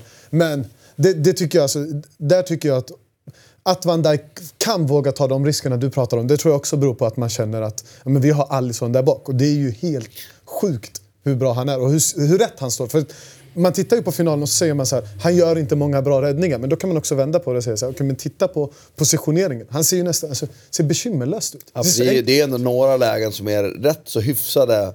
Nu kommer skotten mitt på, men det är, jag håller med. Det är, vi, vi pratade om då att Alisson är ju en... Det, det, det måste ju vara världens bästa målvakt just nu, eller? Ja. Han är ju bättre än de Gea i alla fall. Skulle jag säga. Absolut. Ja. Jag håller ju Ter Stegen högt. Ja. Ja, men det är Ter jag håller också Ter jag Stegen högt, tycker- men du, fan alltså. Eh, Tottenham då, så eh, en del är ju mm, extremt stolta som håller på Tottenham över att de tog sig hela världen och så här. En del eh, yttringar efteråt har jag hört så här, vi kommer aldrig komma tillbaka hit. Det här var vår chans. Eh, vad, vad tänker ni kring Tottenham nu, liksom nästa steg? Vi har ju dels pratat om tidigare här att det kanske är dags för någon form av eh, inventera truppen ordentligt, göra vissa förändringar. Eh, det finns ett, en, en ny arena med fler eh, ja, folk som Alltså, har betala. Allt, allt Mm. sånt där. Liksom. Så att, givet att vi vet liksom, de förutsättningar de har när de går in i den här sommaren. Vad tror ni kommer behövas runt Tottenham för att kanske ta steget liksom, ytterligare en nivå eller åtminstone hålla sig på den här nivån. Sen att ta sig till Champions League-final är svårt och det är inte, liksom, det är inte dåligt att inte göra det. Men de är ju på en resa någonstans nu som bör utvecklas. J- Jämför man med typ Liverpool, som då har gjort den här resan förra året och de adresserade sina problem. Vi har pratat om, van Dijk var visserligen med förra året, men de, eh, Allison in, de har verkligen adresserat Fabinho in. De adresserade sina problem på ett fantastiskt sätt under förra sommaren. Så i där Tottenham står idag. Eh, men skillnaden är att Tottenham har ett dubbelt finansiellt utrymme än vad Liverpool hade. Tottenham har alla chanser i världen. Det finns få, jag skulle, om vi ska ta ut tio klubbar i världen nu som har rimligt att vara i ett antal Champions League-finaler framöver, så är Tottenham, Tottenham en av dem. De har alla möjligheter i världen. De har en kontinuitet i en trupp som är stark. De har en tränare som, vi måste väl alla erkänna, är en riktigt bra tränare. Eh, de har en arena på plats som ger dem intäkter i, i, i, i, nivå med de bästa lagen i världen. De har ett tv-avtal som gör dem bästa. Så de är endast slagna finansiellt av möjligtvis City United just nu. Och, och det de då eventuellt inte har är ju den mentaliteten eh, som krävs. Då. Den, Ja. den sätter jag ju ett frågetecken man- för. Va? de har de verkligen det eller har de inte det? Att de finns massor med andra pusselbitar, absolut. Jag tror inte att de har den mentala pusselbiten. Och där tror jag att alltså, det man måste komma, jag tror inte att det finns någon väg tillbaka till Tottenham. Och vad det är Tottenham som man har skojat om, det är Tottenham som alltid förlorar, som alltid... Ja, men som inte, jag tror att den vägen tillbaka finns inte längre för Tottenham. Men då måste man, för att byta det här som eh, Christian pratar om, mentaliteten, så då måste man öppna plånboken, då måste man våga spendera, man måste ta in folk och byta bilden av Tottenham. För idag så är det ju inte så att de absolut bästa spelarna går till Tottenham. Idag så drar Arsenal en spelare så kan man nästan prata om att Arsenal, trots att de inte har Champions League, eller United som inte har Champions League, har större attraktionskraft, dragningskraft än Tottenham. Så där måste man ju visa som lag. För pengarna finns ju uppenbarligen. Eh, kontinuiteten i laget, tillräckligt med bra spelare, tillräckligt med bra tränare. Men då måste man spendera och visa andra att okej, men Tottenham är faktiskt en adress att komma till. Men det är ändå en farlig väg eh, på något sätt, tänker jag nu. Eh, om man då börjar tänka på det här med identitets... eh, problematiken som kan uppstå här. Jag tror att de är rätt nöjda, eller nöjda, de är oerhört stolta med att ha en eh, eh, Vinks på, på mittfältet som liksom är, är deras, deras grabb. Jag tror att de är väldigt nöjda med att ha en Harry Kane någonstans på plan som är deras grabb. Jag tror att de är väldigt nöjda med en Dele Alli som är liksom hem, hämtad i området eh, och sen så spelar sin fotboll där. Alltså, det, det finns ju någonting som går sönder om man går ut för mycket och börjar handla. En, någon dag så står man där med ett, ett Tottenham med inga engelsmän på, på planen. Alltså, du har ju gått Ja, igenom men- den, den problematiken i, i Arsenal och vet vad som kan gå absolut- sönder. Absolut. eh, Och, alltså, men poängen här är ju då, eh, för för det håller jag med, det som man supporter, det är ju, liksom, det är ju önskvärt. Man vill ju ha det. Man, då, blir- då börjar man ställa det mot att eh, sälja ut allt det mot att vinna. Då. Men din fråga var ju fortfarande här, Absolut. Kommer de, kommer de kunna eh, ta Champions League-final on repeat där? Vad är liksom, vad är, hur nära är de? Kommer de kunna ta steget? Och då menar jag, eh, om- om jag hade varit Spurs-supporter så hade jag också liksom absolut valt den vägen som, som handlar om att jag, ja, men, oavsett vad som händer, jag vill faktiskt ha några egna gubbar i laget. Absolut. Va? Sen tar jag gärna några titlar. Eh, fast förmodligen kanske inte blir några titlar. Min inställning är ju efter 05-06 eh, är ju att jag kommer aldrig vara med om en Champions League-final mer. Jag- Det, det, det är vad jag tror. Det är bonus om jag får en till i, i, i min livstid. Liksom. Men utgångspunkten är att det kommer inte hända igen. För Arsenal är inte en sån klubb, även om jag tycker att vi är bäst i världen och allt det där. Eh, är inte Barca, är inte Real, är inte kanske de randiga italienska lagen som ändå har en självbild som handlar om att ja, men vi ska vara där on repeat. Eh, Arsenal har ju inte en sån mentalitet, är i närheten av en sån mentalitet. Va? Så att man får vara nöjd med den, hur tråkigt den låter, man får vara jävligt nöjd med den finalen man fick. Liksom. Och så är man jävligt besviken över att man förlorade den. Mm. Så man hade kunnat vinna den, det är så man känner såklart när man är... Alltså, alla förutsättningar för att vara där flera gånger om finns. Sen när man använder det kompetens behöver köpas in, absolut. Så är det ju. Men, eh, Vilken position tänker du? Nej, jag, tycker, jag håller med Christian om att det behövs ju hela klubben. Jag, jag pratar inte om identitet så mycket som att... att för att uh, det, ingenting sitter i väggarna, det sitter i kunskap. Och kunskapen finns ju i klubben för att man har, kan fostra det själv eller så får man köpa in det. De måste ju identifiera en sportslig ledning också. Tittar på namn som nämns nu så tycker jag de är, är rätt typ av värvningar pratas om eh, en Dombele i Lyon som jag tycker är fantastiskt bra. Det är en jävligt stor potential i honom, en framtida storspelare förmodligen. Lo Celso med den utveckling han har haft är också en typ av spelare man kan köpa. De spelarna ger de inte Champions League-final nästa år. Men de spelarna ger dem möjlighet till Champions League-final om tre år och kanske on repeat. Det är det vi någonstans komma till. Sen tror jag att, att en tränare kan ändra rätt mycket mentalitet också. Bara genom att vara den tränare han är. Och där tycker jag Pochettino har varit har gjort ett enastående jobb med det här laget. Liksom. Och faktum är att de åkte mot Juventus förra året med sån här liten marginal. Nu var de där framme i finalen. Alltså så här, det, det, att, att de inte tar final på fyra år. Jag håller med de kanske aldrig kommer få en final för det är ju ändå det är sån jävla konkurrens i de där och det är ett kuppspel. Men när Barcelona inte varit final nu på jag vet inte hur många år. Och ändå har de världens rikaste klubb och sätter med, en av de rikaste och sätter mest pengar av alla på spelare. De är ändå inte där. Och de har också historia och identitet för att alltid vara där. Så det, det är jävligt tufft såklart. Men de är en av de, om jag skulle nämna tio klubbar, och där är inte Arsenal med, Arsenal är inte nära, det är inte Chelsea med heller. Då är Tottenham en av de klubbarna som har bra potential. De har skaffat sig en plattform nu. Där kan ju Arsenal och Chelsea göra, men de är inte där i den. Men Tottenham står verkligen på det steget. De har en stabil trupp. De har en intäkt, om vi får tro prognoserna, med en icke-såld arena finansiellt så har de ändå 2 miljarder omsättning i marginal att göra någonting med. Två miljarder i omsättning per år. Herregud. Mm. Och då har vi inte räknat in vad det kan ge för potentiella intäkter nu, för de får väl större intäkter av Champions League också. Men sagt, det, det, är ju det är en otroligt, otroligt intressant position att vara i. Mycket ska fattas för att det ska bli rätt. Det är det fattar jag också. Men utan att ha den här den, den den truppen, den grund de har på att stå på och de pengarna så hade det typ varit omöjligt. De har i alla fall två saker på plats och det är och det, så. och det positiva här är ju att eh, de faktiskt har varit i en final nu. Att man, att ja. Det finns ju någonstans en, en learning curve här som man kan fundera. En del andra klubbar... Och det är en ung trupp är så eller? trött på det här. Liksom att, eh, fast det ligger ju en sanning i det också, att man har saker och ting i sitt DNA. Det vill säga Liverpool till exempel. Men till och med de som har saker och ting i sitt DNA, ja, de var tvungna att vara, eh, som i min värld, jag, jag, jag konstaterar just att förra årets final då så var de eh, inte ens nära. Och så tar de det nu istället. Så att, eh, det är ändå spännande att man, be man behöver upp och känna på det och så är man kanske inte nära. Men sen så kan du ta nästa steg om saker och ting utvecklas åt rätt håll. Och då tycker jag det blir intressant att titta på Allegri som ju då han upp, fick en final och sen skulle han ju då ha learning-kurven eh, liksom perfekt och han kommer med en stor klubb och så vidare. Och så får han sin andra final och så är han inte ens nära. Eller så är det bara så enkelt att Real Madrid var alldeles för bra så att ingen hade kunnat hota dem den dagen. Eh, men, men en av grejerna jag tänker mest på efter den här finalen, det är faktiskt Allegris final där.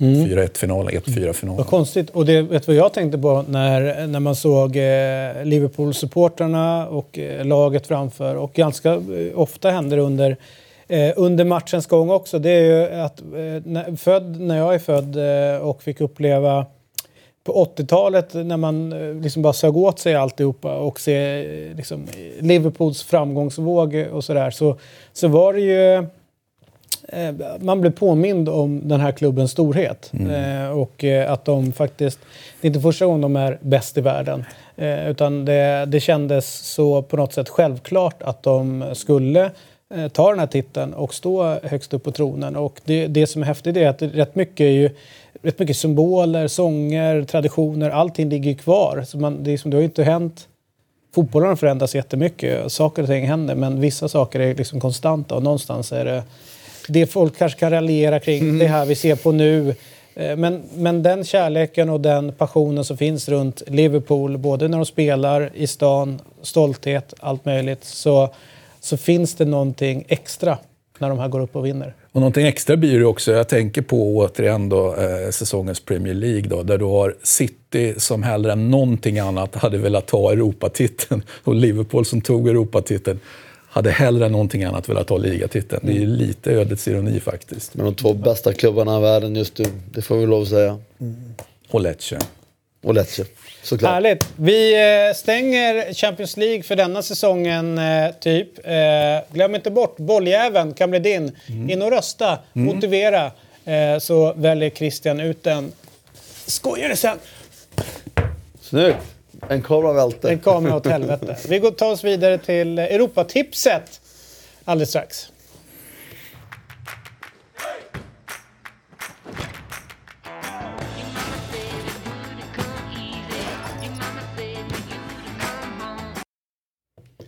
Såja, eh, Europatipset är, av vi en tävling och vi kan konstatera att Gugge eh, vinner till slut eh, med fem poängs marginal för eh, undertecknad. Eh, Björn Jonsson eh, på, klickar in på en tredje plats. Sen var det ju tajt även i år mellan Christian och Noah. Men Noah drog det längsta strået eh, på slutet. Eh, så grattis Noah i, i den där eh, tävlingen. Det är så roligt, vet du, jag har fått lära mig hur det är i England. Att, eh, först finns det en tävling som pågår. Det är ju mellan eh, topp 6. Ja, alltså, du, är du på Premier League ja, helt enkelt? Ja. United, City, Liverpool, mm. Tottenham, Chelsea och, och, och Arsenal. Mm. Det är det ena. Sen börjar The Everton Cup. Mm. Ja, alltså, vilka är bäst, eh, bäst among the rest? Och där är tydligen Everton som är the team to beat. Här ser vi våra eh, formkurvor. Eh, där Noah och mm. Christians är ju väldigt intressant att se de här bottennappen som dyker upp. Eh, och att eh, Gusten har ju varit stark eh, liksom, rakt igenom ganska mycket. Eh, jag och Björn Martin eh, var ju, har ju följt varandra ganska noga och jämnt ut under hela året. Men de tydliga som sticker upp är ju den turkosa Björn och i början då Martin-stapeln och sen neråt då så är det Noah Snygg. och... Bra för fall. Det gillar vi. Borrell som sticker ut där. Eh, jag själv är rätt tråkig här i, mitt, i mitten sådär tillsammans med, eh, med Gugge. Härligt! Eh, grattis Gusten! Nu blir det lite engelsk fotboll.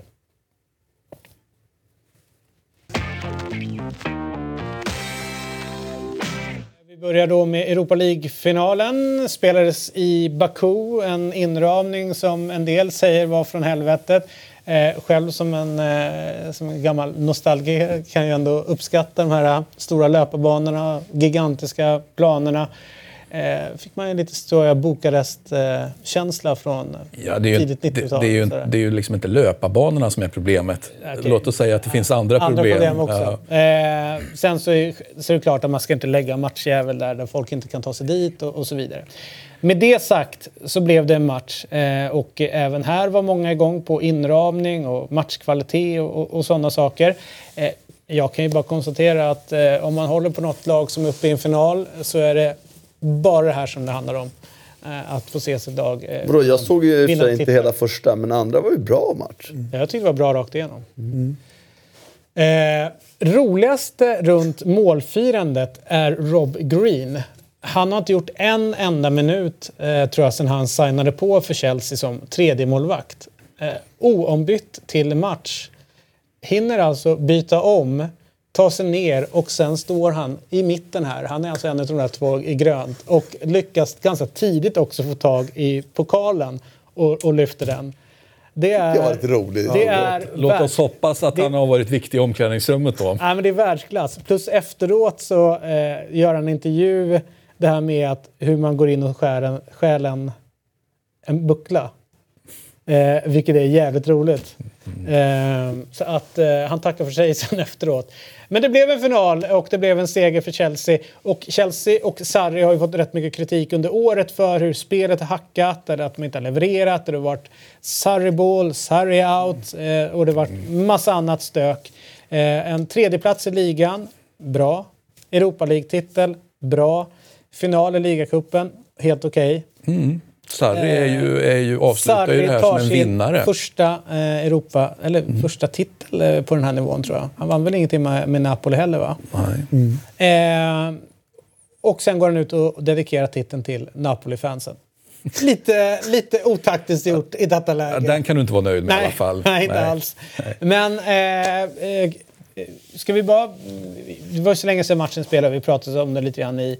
I, eh, I weekend. torsdags. Ja, precis. Så att vi, vi kan, behöver inte gå allt för långt där. Men eh, Hazard då eh, säger att det kanske it, it's time to say goodbye eh, efter sina år i Premier League där han drömt om att spela. Han har också sagt att han aldrig kommer spela för någon annan klubb i, i England.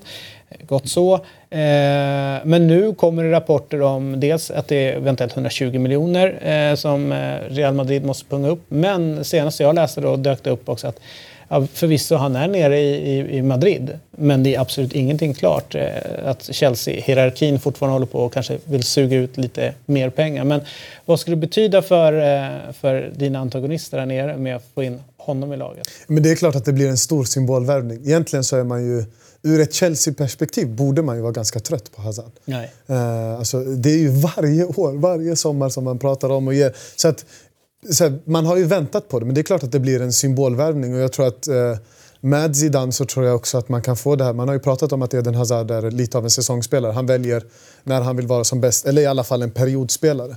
Och med Zidane i Real Madrid så tror jag, och är ju extremt rädd för att han kommer passa väldigt bra och inte kommer kunna stänga av. Eh, för jag tror att de som har växt upp i Frankrike och sett till den fotbollen de har någon annan form av respekt till Zidane. Och det, är ju, alltså, det har man ju sett inte minst på Real Madrid när han har steppat in. Så att, eh, det är klart att man blir Till lite och med Hazard skärper till sig. Ja, är det fakt- det du ja, men det- säger? ja. Ja, men Ja, men det-. Det tror jag. Och då, och då är det klart att man blir lite rädd som Barca-support. Är du så säker på att Zidane tränar Real Madrid nästa säsong? Då? Ja, det, är ju, det är faktiskt en helt annan fråga. Det trodde man ju inte att man skulle säga när han anställdes. Men det är ju faktiskt inte helt omöjligt. Nu när det sipprar ut lite saker. Sen tror jag att om han hoppade av när han hoppade av, när han var på toppen och sen väljer att gå tillbaka, då är jag väldigt svårt att se att det under de här två månaderna kan ha gått så dåligt. Jag tror att, Fast med Zidane, han har ju ändå en historia av, och hur hans personlighet är, är att han, han kan ju faktiskt göra saker som inte är de väntade. Eh, och om han eh, ruttnar på någonting, då, då är han out. Ja, han har ju en integritet som, Som är utöver det vanliga. Ja, han Ja, och det är ingen som blir gladare än mig, alltså. universum Ja. någonstans. Ja, Faktiskt. men det, hade, är- det hade varit perfekt. Sticker han och sen så har Real eh, ja, lite problem under sommaren. De ska hitta en ny tränare. Ja, det, då blir man ju glad som Barca-supporter. Det blir lite tröst igen. i det tragiska Ja, bam, Barcelona. bam, bam, Men, till- men det är ju också, ja det är en, men han, det är inte hans tid har sprungit förbi ändå. Men alltså det är ju, ehm, jag tror att han blir kvar ju snart. Det är ju, nu är det bara att, sätter han ju ytterligare press på, på Perez att verkställa det han har lovat liksom. Han vill ju se att de här spelarna kommer in. Så det kan jag inte se det på något annat sätt. Men jag också håller ju med, om det inte skulle komma, då hoppar han av. Och då hamnar ju allt i Perez knä liksom. Och någonstans måste även Perez vara, även om han tjänar mycket, mycket pengar på Real Madrid, så måste han ju ändå någonstans vara lite, värna lite om det, sitt eftermäle liksom. Eller är han immun för tre titlar eller? Han verkar ju rätt immun. Alltså rent generellt. Han verkar ju också leva i ett parallellt universum kan jag personligen tycka. Han är... När börjar med ombyggnationen där då? För den ska byggas om för 6 miljarder eller vad fan det var. Ingen aning. Vilket, eh, apropå finansiering, är färdigt. Det är 100% finansierat av banklån. Tydligen. Så, Jag får ju jobbar, bara säga så till. jobbar en bra president. Ja, jag går ju bara till bank och säger jag ska ha lån på det här. Det är inget snack om saker. Han tar min Han är lo, lo, lobbyist men i, i logerna där. Det funkar rätt bra. funkar väldigt bra. Eh, Hatten av för sånt. Kan man tycka vad man vill om det men... Chelsea då skulle vilja ha Coutinho som ersättare för Hazard. Eh, Ska vi inte börja med att ha en tränare klar? Det kommer.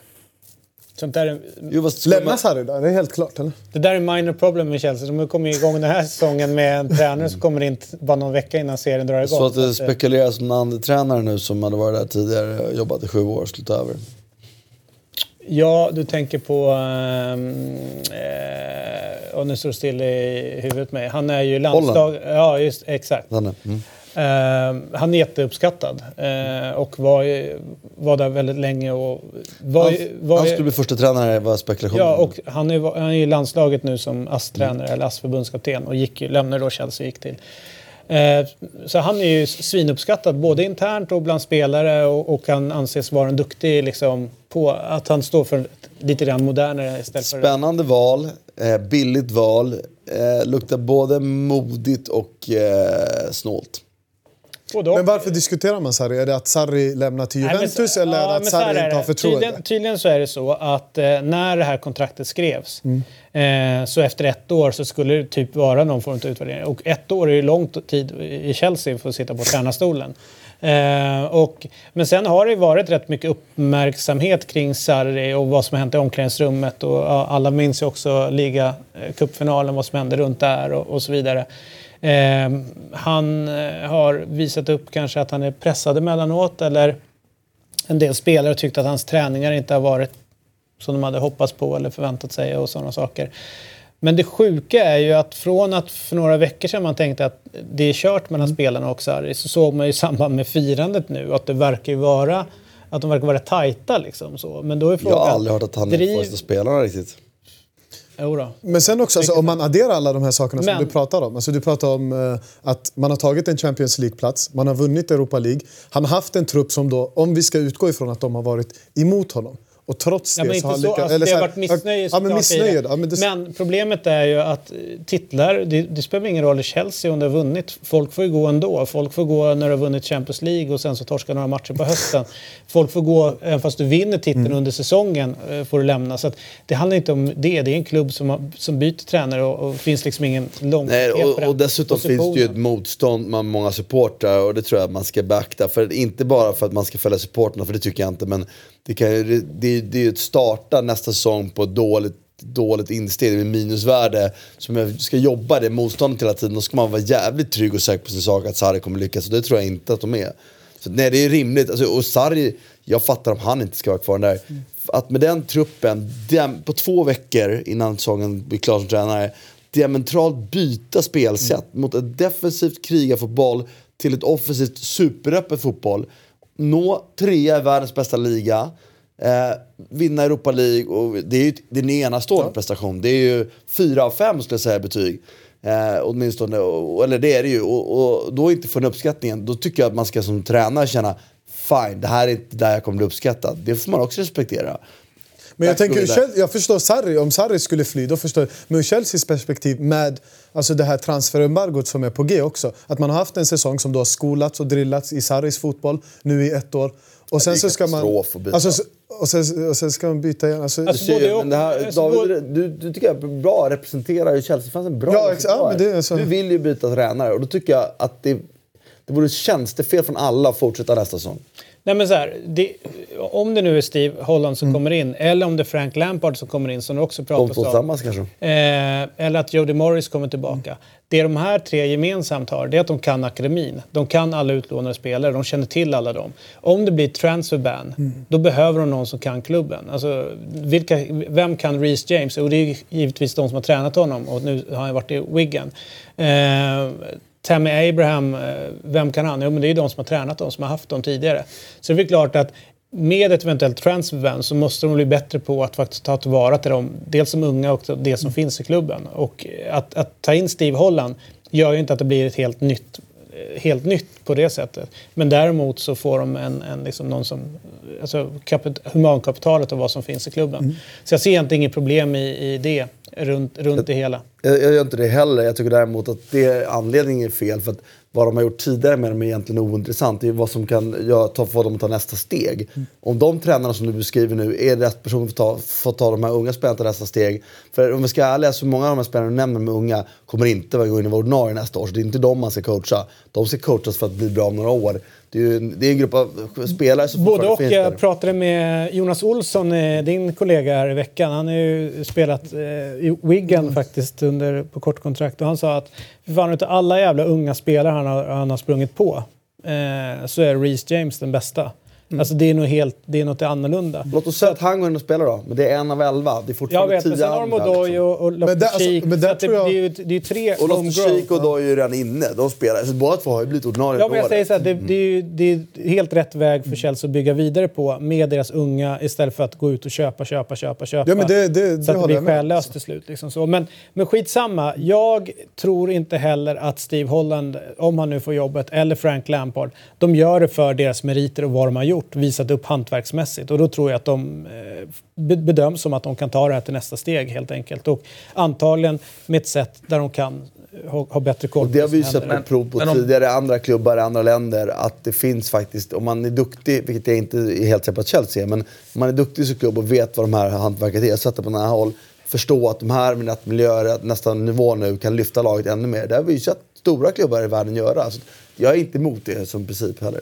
Ja, inte jag heller om man vill ha sitt, alltså bevara sitt Chelsea. Men däremot så vill jag ändå säga att jag tror inte att det finns någon bättre än Sarri att ta hand om de där unga spelarna. Jag tänker med, med transferbandet ja, då så blir det väl ändå, då, då tänker jag behöver, behöver man verkligen ta ett steg till då? Möjligtvis ett steg till mot sin Chelsea-identitet. Men, men jag tänker, behöver man resultatmässigt ta ett steg till, då handlar det väl bara om att att, att, alltså att trampa vatten i väntan på att du faktiskt får göra det som alla andra klubbar får göra. Jag tycker inte, för mig är det inte alls viktigt att Chelsea tar ett steg till om de lyfter in de här tre.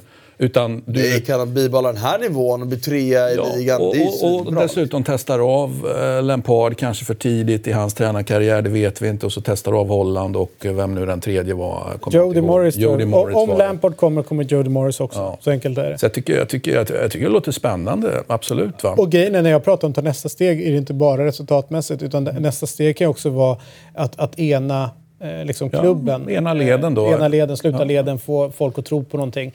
Alltså bara om Lampard skulle ställa sig där nere. Det är ju samma effekt som Guardiola hade när han mm. klev in på, eh, mm. på mm. eh, No Camp. Eh, wow, shit, nu står han där nere.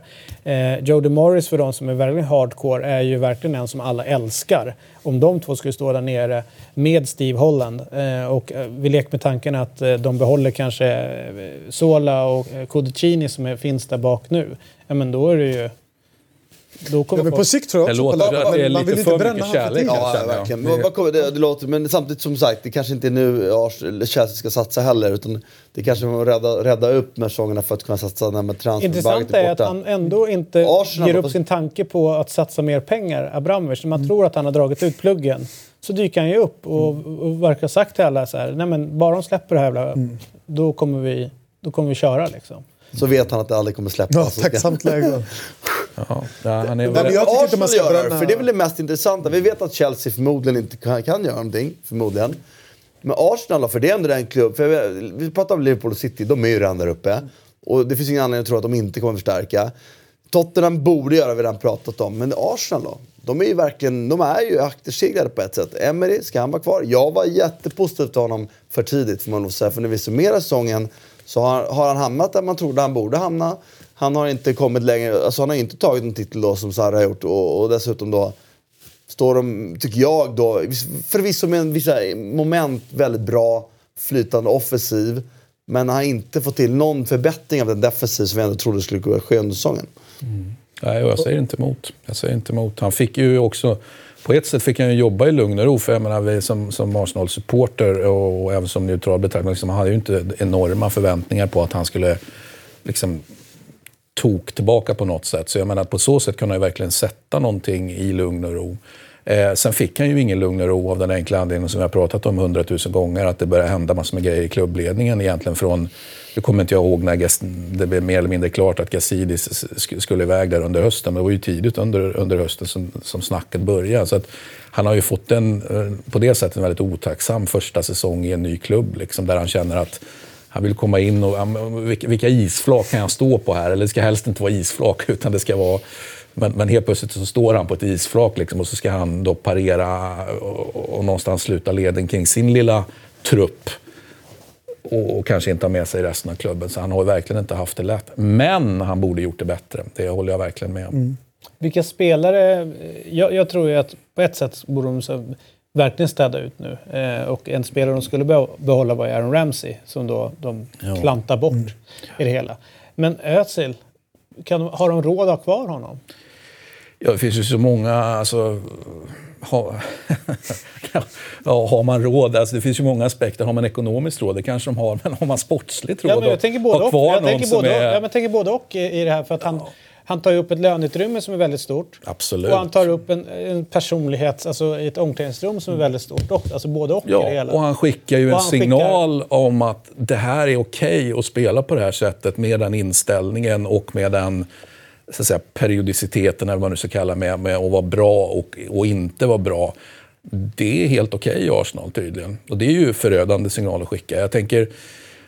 Alltså, det är, ju- det är bara kap. Ja, alltså det Men, men jag tänker så här, man, när, man, när, man, när, man är en, en stjärna på det sättet. Jag vill faktiskt gärna göra jämförelsen med, med Charlie Nicholas, min älskade Charlie Nicholas, Champagne Charlie. Som ju hamnade väldigt eh, fel och väldigt, väldigt fel klubb när George Graham tog över en gång i tiden. För han käkade ju upp liksom, eh, Charlie Nicholas. Men under tiden som, som George Graham då eh, liksom, motade ur Charlie Nicholas. Då hann ju ändå Charlie Nicholas med att vara så att säga, instrumentell och göra de där två målen i cupfinalen mot Liverpool.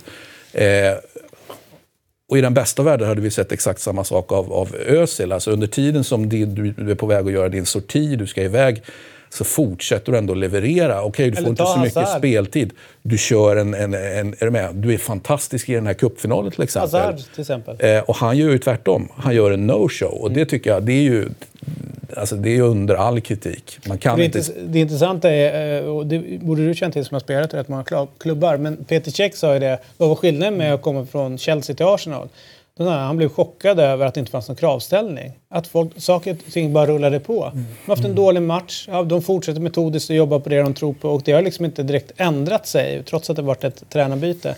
Medan i Chelsea, en torsk, det var, liksom, det var begravningsstämning och folk var förbannade. Och, du vet, att, att han upplevde som kravet inom klubben var så mycket högre på att vinna än vad det var i, i Arsenal. Och det tar väl tid att förändra en sån. Alltså det Alltså, går, måste man byta det går många fort- spelare? Nej, eller men det går fortare än man tror, men det är svårt. Alltså det kan gå på en månad. Om du har en tillräckligt duktig ledare så kan de ändra det på en månad. Men det. Det Och då hade han ju det gyllene tillfället nu när han kom, Emery. Alltså jag inbillar mig att han blir krångligare nu. Okej, att han då om man nu, om vi, Nu vi tänker att det är sant. Okej, nu inför säsong två, då helt plötsligt ska han börja vara to- super, eh, liksom, krav på att vinna. Det, det låter lite...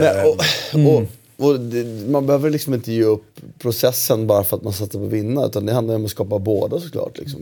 Och det gör riktigt, riktigt bra tränare, jag är säker på att göra det. Vad, på själva kärnfrågan när det gäller Özil, ja, men nej. Jag har ju varit emot honom i väldigt lång tid. Inte för att han är inte är bra, men därför att han tar för stort utrymme sett till vad han... Det är en, så vi kopplar det, det är en provinsspelare. Han är skitbra i lag som kommer komma femma, sexa. Då kan han dominera, för när han är bra, då är han ju briljant. Det kan, det kan vi inte ta ifrån honom. Då är han ju på nivå med de bästa i ligan. Men att gå så här på det sättet, det gör du inte i de bästa lagen. Det gör du i provinslagen. Sälj honom till Villa. De får mycket cash nu när de går upp. West Ham. ja, ja, alltså, men finns det ens ja, någon som tar honom med den lönen? Han är ju bäst betald i Arsenal. Det är 320 Alltså, 000. Du vill skicka ner honom till Turkiet då? Det är väl inte svårare än så att någon av de Och grym Fenerbahce säkert. och- Jag vet, men det är ju självbilden Med tanke också, på hans all kärlek och flört han, han håller på med Erdogan och så vidare. Jag tycker perfekt lösning faktiskt på, på rätt många olika problem. Och så här, det vore kanske bra för honom också, för jag tror ju att han har, han har ju en hel del kvar att ge som spelare. Och i en miljö där han kanske får vara mer utpräglat den stjärnan som han kanske en gång var, så kommer han också leverera bättre Vad kostar han sa du? Eh, 300, Ja, 320 000 pund i veckan tror jag att han tar. Eh, han är bäst betald. i 3,5 Arsenal. miljoner pund i veckan. Ja, och, och, 14 millar på, eh, per månad. Han är har för- 40... Jag tänkte, han är ju, hans flickvän är från Göte, Göteborg. Tänkte Ja. om Blåvitt har någon skicka- tät skicka jävel... honom till Göteborg Ja, istället. men, Nej, men sen måste det man väl finns, prata om det, hans alla, de här, självbild. alla de här mupparna, som, eller muppar var ett dumt ord, alla de här människorna som gick in och räddade Stampen. Kan inte de bara hålla upp sina cash på Özil istället? Kan han liksom... Han kan ju få signing fee i den där penthousen som Oscar... Nej, vilka som bygger det? Det var egentligen Stockholm New York som sålde, som var ute till försäljning med Hagatorn, vad fan det hette, som skulle se ut över hela Göteborg. Ja, men där, kan han, där trycker vi in honom. Men det blir ju det, med alla, alla med deg där nere håller ju på Örgryte så han får ju börja i Örgryte. Eller han får ju, det ju Örgryte han kommer landa visst. in i. Fan mäktigt när familjen Albeck står där. Här byggde lite svarta hus här i, i somras för att finansiera Jag Özils... trodde eh, inte Albecks familj, den, ja, Stefan Albeck var ju byggare. Ja, det är jag säger, han byggde lite svart hus för att... Eh, Ja, nej, men jag tycker det är oroväckande att, men att Cech kan gå ut så innan, eh, innan en Europa League-final och säga sånt. Sen vet man ju aldrig med alla artiklar som kommer ut hur vinklat det är och så. Men att, att man kan gå ut en vecka innan finalen och sen är det han som ska stå i målet och säga så. Jag, jag tycker ändå det sänder, det sänder lite dåliga signaler. Om man säger så här, jag tror inte att man kan säga dålig så. signal. Man kan inte säga så i Chelsea och få spela. Det tror inte jag. Sen vet jag inte med Sarri. vi, men, eh, vi är väldigt eh, mänskliga som håller på det blå laget i den här stan. För övrigt det enda laget i stan som har vunnit en Europatitel. Men... Eh, eh, ja, Jaså? ja, vad har du vunnit? Ja, det beror väl på vad det är för Europatitlar vi har vunnit. Eh, jag har vunnit cupvinnarcuper, jag har vunnit Fairs Champions Cup och så vidare. Okej, Champions League. har lärt Ajax med Cruyff att spela fotboll en gång i tiden. Du är Champions hjärtligt League. välkommen min vän. Champions League. Vad dumt. Eh, men eh, sätt dig ner i båten nu. Var- Jag sitter hur lugnt Ja, som helst. bra.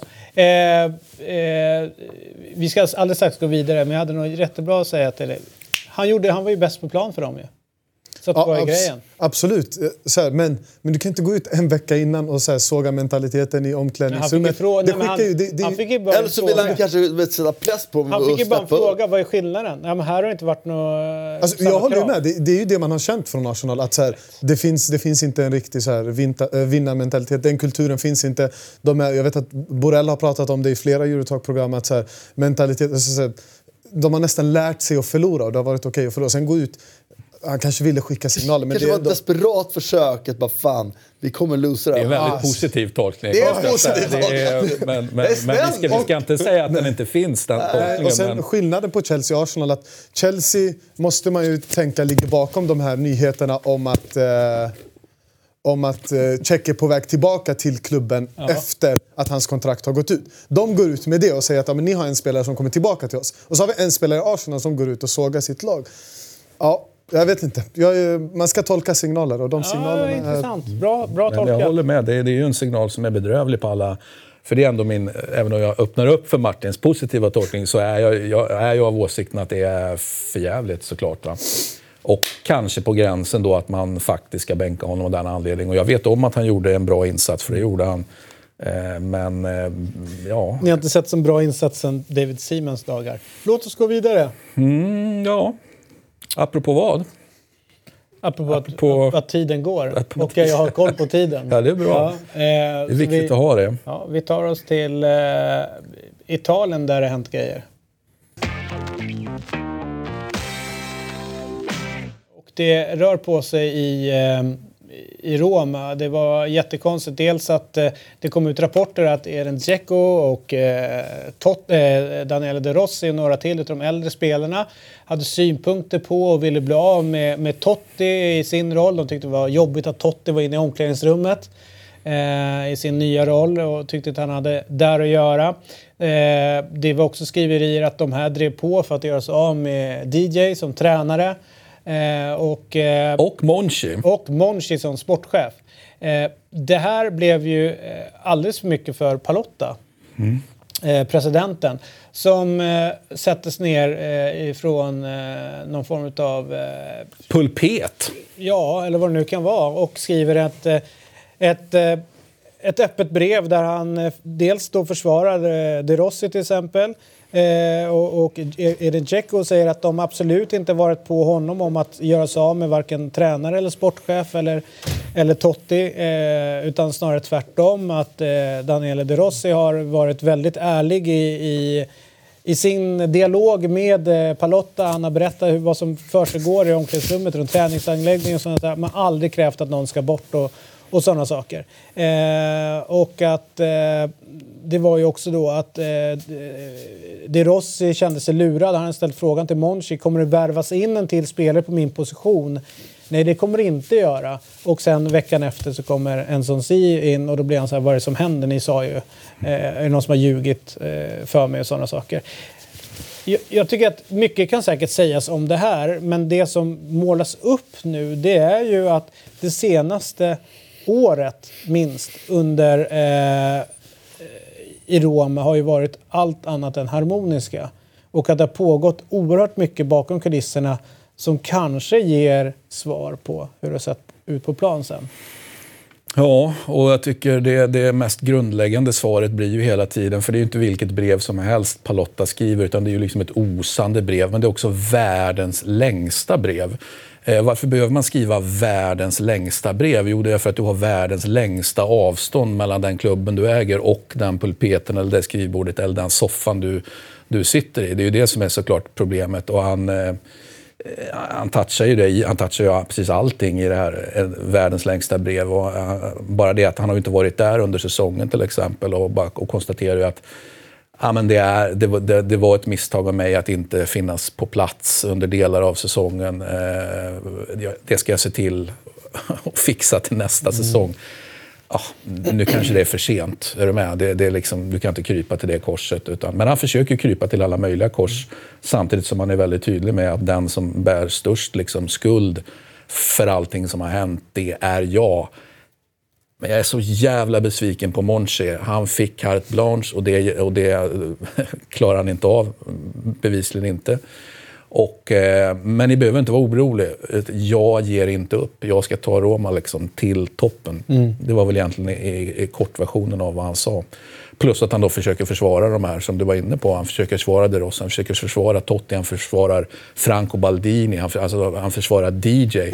Han försvarar precis alla utom Monchi. Monchi liksom avrättar han ju egentligen. Mm. Och jag tycker, alltså, jag tycker det, är ett, alltså, det, det, är så fegt när, när, när, man har varit borta så länge. Han sitter någonstans, eh, ja, men någonstans i Amerika och kanske skriver det här. Så tycker jag alltså, det är så fegt för att så här, i det här meddelandet så är det ju på något sätt vill han få det att se ut som, men smart kanske som ledare då. Jag vet inte hur många som köper det, men han vill få det att se ut som att han tar på sig allting.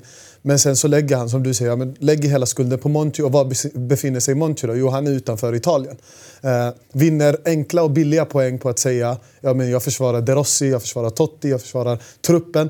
Då ska han försöka vinna enkla poänger och så här, få med sig folk.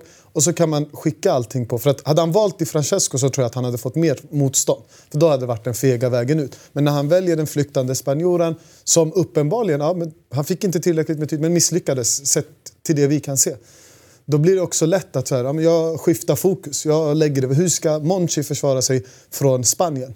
Eh, jag tycker att det är ett ganska... Å andra sidan så säger han ju också, apropå DJ, att eh, kanske borde vi ha flyttat på dem tidigare. Mm. Eh, och, och, och prata liksom att vi borde ha gjort det här redan innan december. Mm. Eh, och, och, det tycker jag ändå öppnar upp till en viss Att själva... han ville det, men blev övertalad att inte göra det. Mm. Det, det, skriver han ju. Mm. Ja, ja, alltså, jag är ju otroligt allergisk mot den här typen av saker som är... För det, det är ett fjäskande. Och förmodligen, han sitter på en position där han kan göra det här, där inte alla andra kan svara upp på det. Och han är ytterst ansvarig hela vägen och tar på sig ansvaret och skjuter ifrån sig det. Jag mår lite illa när jag ser sånt där. Det är fegt. Ja, jag tycker det är fegt. Mm. Sen, kanske han, sen kanske han, eh, man har sett det här i klubbar i Sverige också, jag tycker det är det är de här typen av människor som man absolut inte ska ha med sig. De som mest är rädda om sitt eget skinn. Eh, och jag, jag, och så, så här, med det sagt, det finns alltid möjlighet att allt det han skriver är exakt sant. Men min erfarenhet säger mig av, av eh, människoerfarenheten och med massmediala erfarenheten, erfarenheten har varit i klubbar. De som gråter ut så här har störst skuld och försöker skjuta bort skulden. Tyvärr är det många som går på det. Jag säger inte att det är så i det här fallet, för jag vet ju inte det. Men min erfarenhet säger mig att det är, och det luktar jävligt illa för mig tyvärr. Sen är det intressant att läsa men, eh, ja, men det finns ju, jag tycker det är eh, tvådelat i det hela. Eh, jag håller med, med dig och vi, vi kan nog blicka mot samma gubbar när vi tänker eh, kring problematik med sådana här Ja, men det är ju många exempel. Alltså. Men eh, det, det, finns ju någonting också med att om en, eh, om, om, en gubbe då som, som Palotta sitter borta i USA och alltihopa. Om han har insisterat på att nu plockar vi tränaren Då hade folk säkert börjat, men vänta, vad fan vet du? Du sitter där borta i USA. Vi har en Och sportchef vad fan här. vet du om fotboll? Ja, och vi har en sportchef här eh, som inte, eh, som faktiskt är emot det. Vi har ett sportråd utav spelare som säger nej, plocka inte honom. Det blir jävligt svårt för honom att kliva in och, och, och flytta på tränaren och jag tror det skulle bli ett jävla liv om han gjorde det. Så att någonstans så har jag respekt för att han som ägare inte kör över sporten i det Absolut, läget. varför går han ut och pratar om det nu för då? För det Nej, men en för att det var ju mycket shit som var runt... Alltså, han, Han han, är ju sig. För jo, men på, han har ju Han hade inte behövt nämnt Nej, men- den grejen Nej, exakt, överhuvudtaget. men nu gör han det. Och Det är jag tycker- fjäskeri. Ja, både och. Jag tycker ändå att han... Det är inte så pass starkt brev, tycker jag, när jag läser som gör att fjäskandet gör att jag åh, shit, nu förstår jag allt. Utan det är snarare tvärtom, att hans brev öppnar ju upp för att saker och ting, hans roll, eh, sportchefen, tränare, bland Men spelare. vad är nytt, liksom? Vad är Nej, men jag tycker att det, det bekräftar rätt mycket snarare än att allting behöver vara nytt. Det kan ju vara saker som inte skrivs som skrivs. Det kan vara saker som skrivs som gör att man faktiskt kan tolka saker på, på olika sätt. Jag Jag, tycker tycker det här- att det är ett intressant Intressant är det. jag tycker det men är intressant och det tyvärr- säger extremt mycket om det på något sätt moras som har blivit i, i, i klubben. Ja, men det är ju så när du har en frånvarande ägare. Det går aldrig. Liksom, du måste ha en ståthållare på plats då i sådana fall. Och nu har man inte haft en tillräckligt eh, liksom, stark ståthållare. Det hade han när han startade, eller när amerikanerna startade. Då var ju Di, Di Benedetto, han var bara en sidekick, eh, Palotta. Eh, och då hade de ju en stark ståthållare, det vill säga de hade Franco Baldin där på presskonferenser, på Trigoria. Han var där, han tog plats. Walter Sabatini var också där. Eh, även om han väl kanske mest rökte och, och, och, och köpte och sålde spelare. Han köpte och sålde bra. och, och det gjorde han. Men de var på plats. Liksom. Men, men problemet blir ju då när, när Franco Baldini helt plötsligt får för sig att, att han då mm, liksom ska lämna. För att han, han är någonstans... Det har, det har inte blivit som han har tänkt sig. Och, och sen Nästa problem är att han faktiskt tar sig tillbaka genom att fortsätta att viska i Palottas eh, så att säga, öron och komma med råd och så vidare. och så vidare utan att vara på plats. Så nu är vi, det, liksom, det är ju någon slags virtuell klubb det här faktiskt. Det, det, den här vardagligheten, alltså att vara på plats, vara på träningen, vara på... eh, Jag menar att vi tittar varandra i ögonen, vi kan ta på varandra liksom rent fysiskt. Va?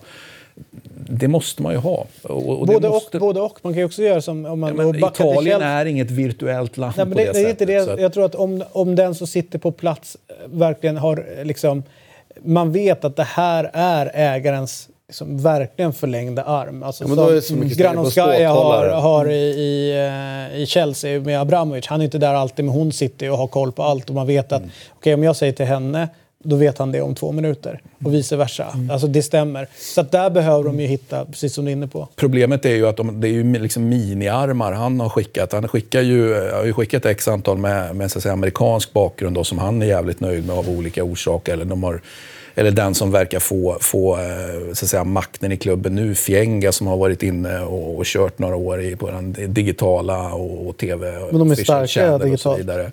De är jävligt starka faktiskt digitalt. Eh, och, och det blir ju lite löjligt för liksom, när du håller på att knuffar in de här amerikanerna i, i klubbledningen, då har han ju gjort hela tiden. Eh, liksom, det är klart att i Rom tar man inte det på allvar. Man tar ju det på allvar så tillvida att det här är en, en, en ägare som, som inte fattar vad han håller på med. Knuffar in de här jävla snubbarna och, och tror att han ska få effekt. Alltså, han får ju ingen effekt. Han kanske, sen om han får en minuseffekt, det kan man väl diskutera. Det var bättre att ha haft en, en kompetent person där som faktiskt hade kunnat leverera. Så på så sätt har han ju fått liksom en minuseffekt. Men jag hävdar ju att han har massor med människor som bara sitter i, i klubbledningen och har haft egentligen hela tiden, som bara sitter och och, och, och liksom begriper väldigt lite av vad de håller på med. Må hända fantastiska digitalt då, och, och, och på några andra grejer. Va? Men, That's the future ja, de säger det. Men, men eh, då är ju fotbollen relativt analog då. I alla fall i Rom är den ju det. Men det är, det är, det är, lite, det är ju lite löjets skimmer över Roma nu, så är det bara. En klubb som eh, ändå på något sätt vandrar framåt. Eh, I absolut sista matchen löste de en Champions League-biljett till nästa års eh, säsong. Det är ju Inter. Tackade eh, Spalletti för visad uppmärksamhet och vände blickarna mot Antonio Conte eh, som eh, inte är ett helt oproblematiskt val av eh, tränare i Inte. Inter. Jag såg att Inte-supportrarna gick ut och manifesterade deras känslor runt eh, den här tillsättningen eh, på ett tycker jag, ett värdigt sätt. Där eh, vi under rätt många år har pratat om Juventus eh, liksom, cyniska sätt att vinna och vinna till varje pris. Nu kommer han till ett Inter och Inter står för någonting annat. Här vinner man med värdighet, vinna inte allt utan att ha en, en uh, gå därifrån med stolthet och högt buret hu huvud. Uh, så att det finns andra värden i Inter som, uh, som klappar väldigt högt.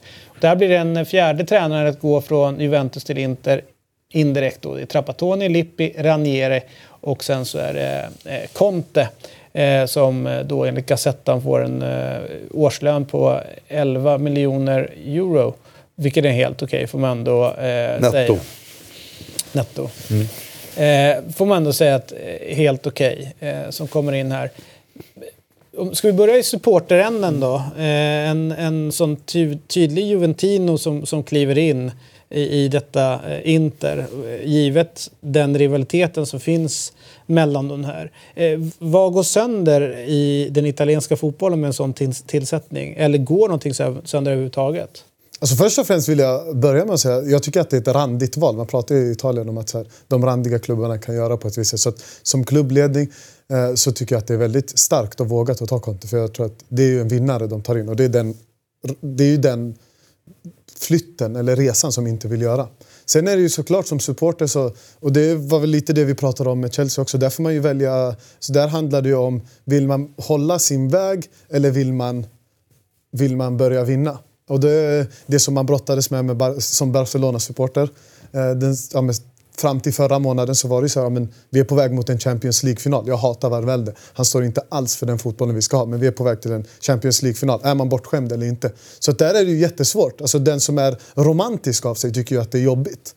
Uh, och, och, det kommer in någon som inte är förenlig med ens identitet. Men den som ser till att okay, nu ska vi göra en resa, nu ska vi faktiskt ta upp kampen med uh, Juventus. Och om det är något lag som kan ta upp kampen med Juventus just nu så jag tror inte Napoli gör det. Och då, då är det Inter och ett Milan som har väldigt långt kvar. Det kommer vi kanske till längre fram.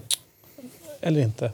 Eh, du som är då romantiken i, i sammanhanget, i gänget, vad tänker du? Ja, jag ser ju en lösning då på den, det som då du beskriver som ett romantiskt problem. Va? Och det, det skulle ju vara eh, jätteenkelt eh, om vi nu tänker att romantiken har att göra med, med vad som presteras på planen.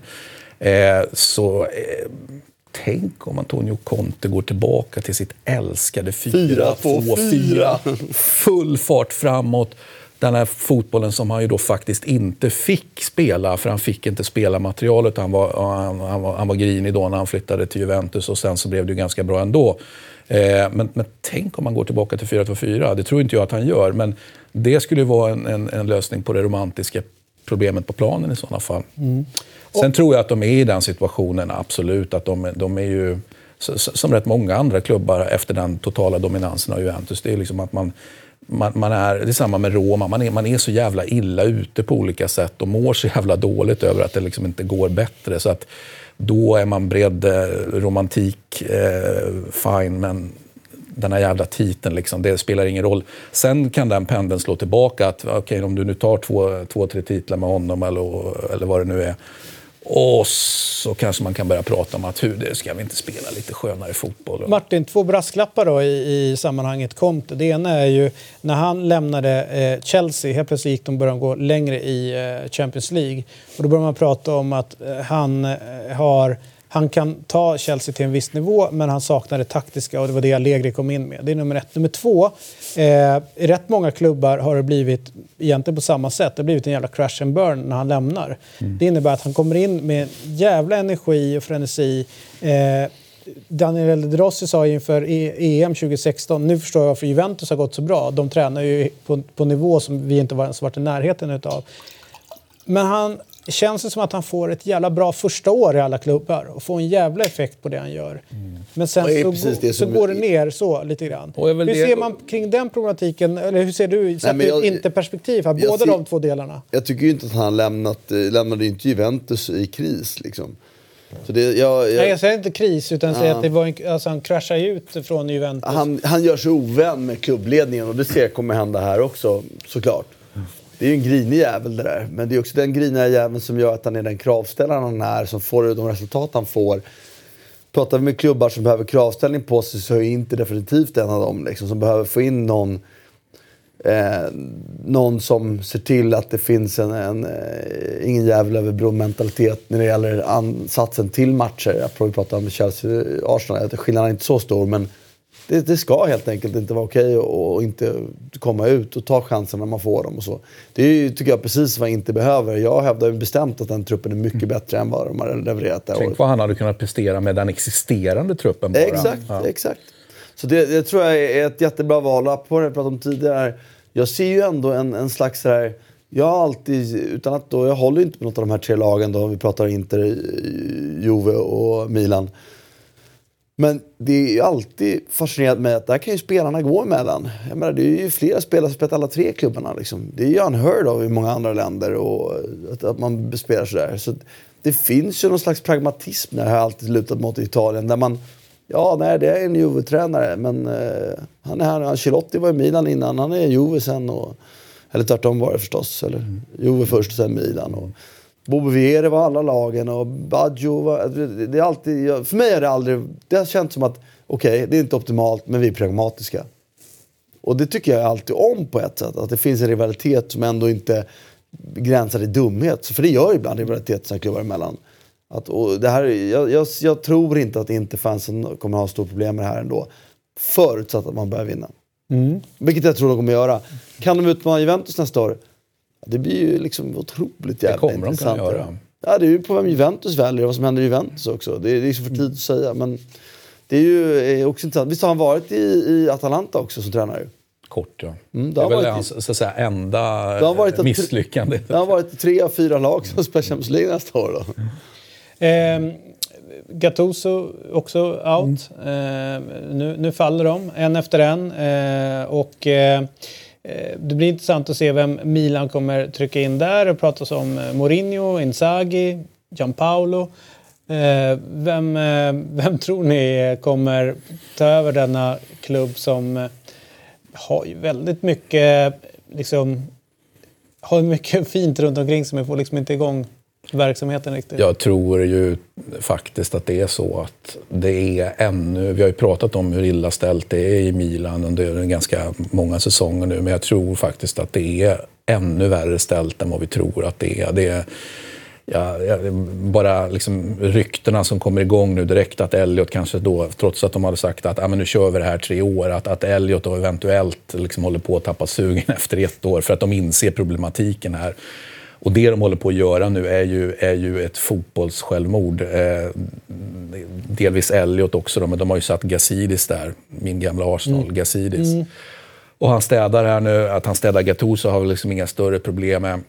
Men han städar också Leonardo. Eh, och det kanske man var kan... den konstig tycker du? Nej, jag säger inte att den var konstig, men jag säger att det konstiga är då att, för det är ju det Gazidis var väldigt tydlig med i veckan som gick nu i en jättestor intervju i Gazettan. Det var ju liksom att den som ska sköta sporten är Paolo Maldini och det kommer, ta, det kommer bli en total katastrof.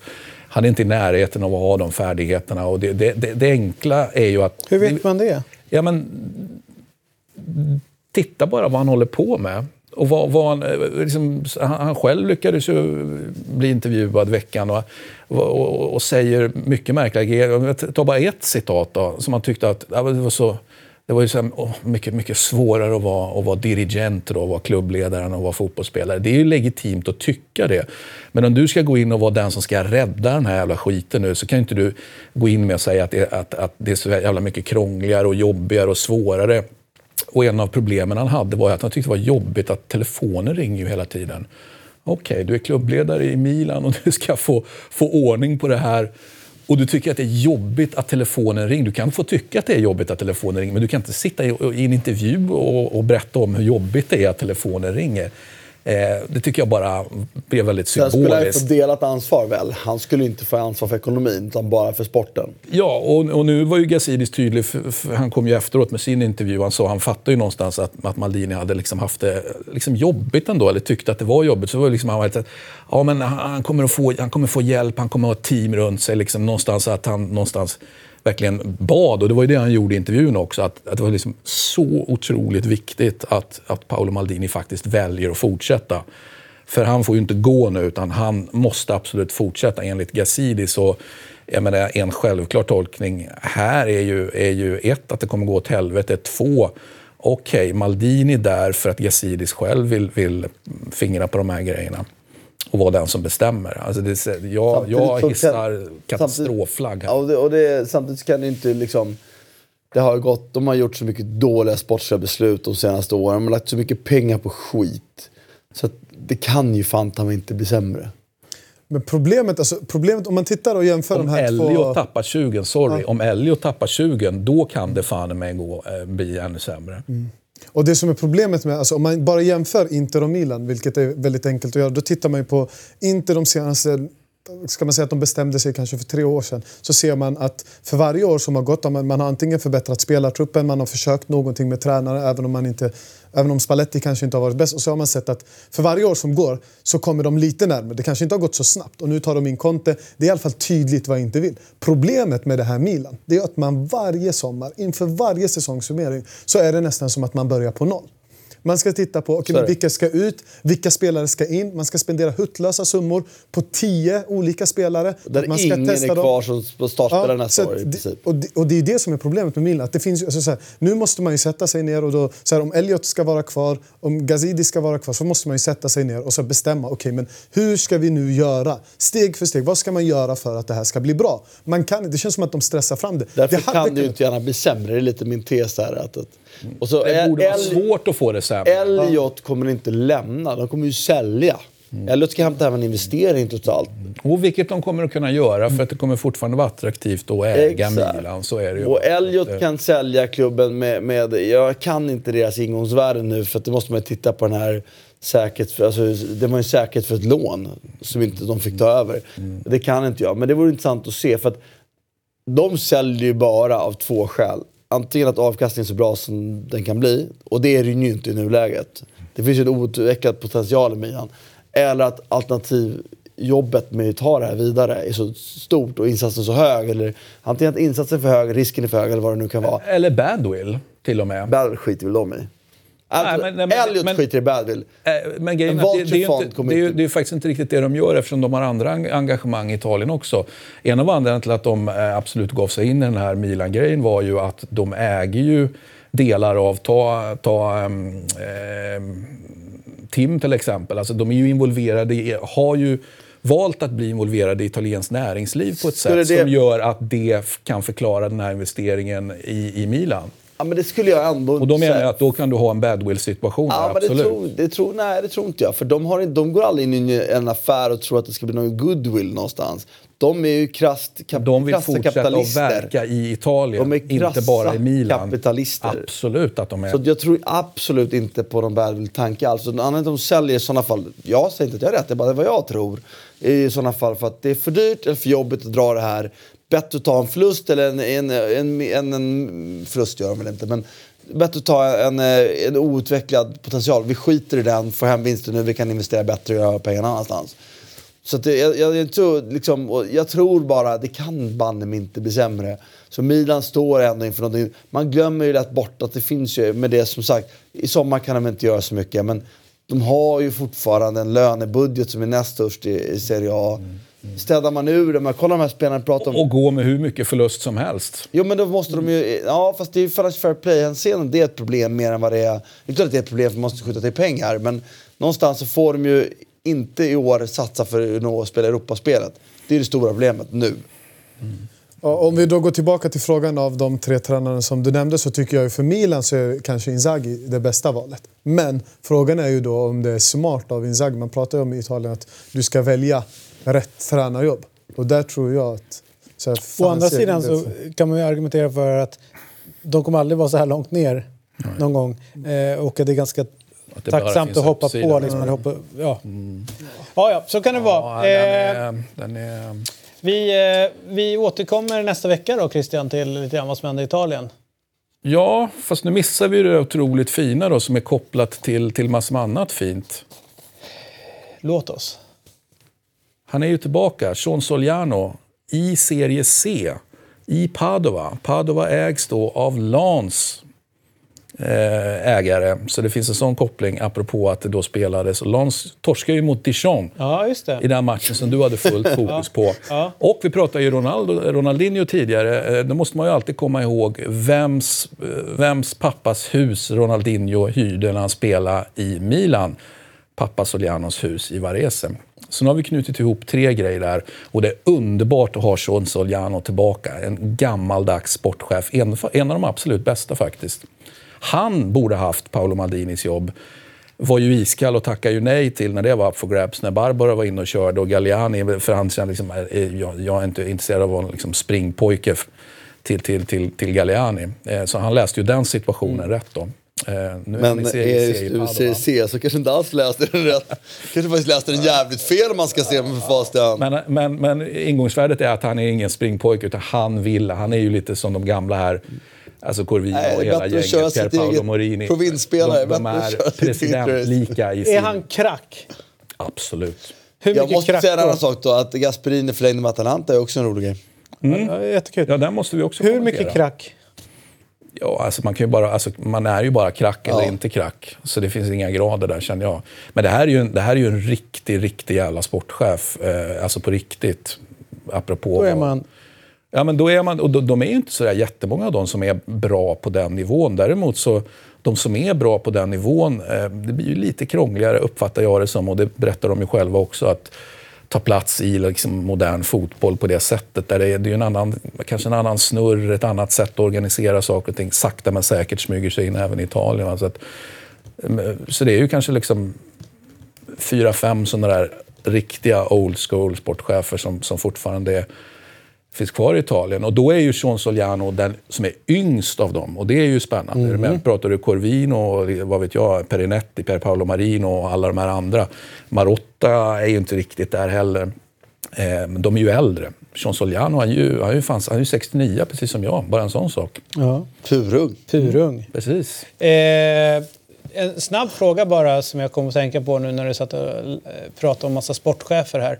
Hur kommer det sig att inte före detta tränare som liksom har klivit av eh, varför inte fler som satsar på att rätt många spelare kan man tycka som hamnar på sportchefsjobbet men en spelare har ju bara tagit ansvar för sin egen karriär egentligen och följt instruktioner och sådana saker. Men tänk så här Lippis eller eh, Arrigo Sacchi. Och, Vadå, det- Jag vet så här, att de, det tror jag är ganska att de enkelt blir, svar Att de på. blir sportchefer sen, att de växlar om och får en ny karriär. Det tror jag är Då tar ganska... vi Martins enkla svar här nu. Ja, för att jobbar du som Lippi eller och sån här, då gillar du att jobba med människor och styra. Du gillar själva hantverket. Det är som att vara snickare. Inte fan blir du när du är duktig snickare. Inte fan blir du VD för ett, för ett träsnickare. Alltså, du, vet, du kommer så långt ifrån det som är drivet dig. Dessutom håller du på med det mycket längre upp i åldern. Så jag tror att det är extremt få som går från att vara tränare till sportchef. Men, det- men, till slut känner, ja, men till slut känner de ju så här, ja, men nu har jag gjort mitt. Jag, jag, har, inte, jag har inte vinna där ute på fast planen. de har varit bra. Du, som tränare är du ändå bra på det här. Du måste vara bra på grejer. Sportchef är ju andra beslut att fatta. Liksom. Men mo- moderna tränare, men jag tänker många eh, har ju, alltså managerrollen Mm. är ju väldigt mycket som en sportchefsroll i många länder också. Att man har både kontakt med inte, agenter. managerrollen är inte borta. Det är sportchefen nu för tiden. Alltså, idag är det ju tränare, tränare. Ja, det finns ju väldigt många managers där ute fortfarande som, eh, som lyfter telefonluren och, och pratar. Vilka, och, vilka är manager idag i toppligorna? Eh, nu ställer du mig på... Eh, på jag vet här. inte, Men jag- det, är, det är helt uppenbart att managerrollen fortfarande Det är ju sportchef, eh, Nej, om inte jag har helt fel så sitter man väl i... Inte Celtic som körde det ett tag, eh, om man säger större, då är det inte jättestor. Det är väl några runt som snurrar runt i, eh, i Premier League som fortfarande är Jag kan managers. inte komma på någon som är manager. För man delar upp det och det finns en jävligt bra anledning till det. Att du har inte tid att sköta båda. Liksom. Du kan inte vara där att telefonen ringer hela tiden. Jag vill att de inte är ute på träningsplan. Det är väl det, att de har assistant coaches Men det är fortfarande en bit från managerrollen och desto mer Jag fattar den, att det finns den delen. Men du jag det? tänker, Jag vill säga en sak till jag tänker fortfarande på att det vore naturligt att ta den kompetensen som de har samlat på sig med att hur man bygger ett lag, hur man ser på ett lag och sådana saker. Att någon ska tycka det var kul att vara kvar inom fotboll. Det finns ju sätt. de väl, eller?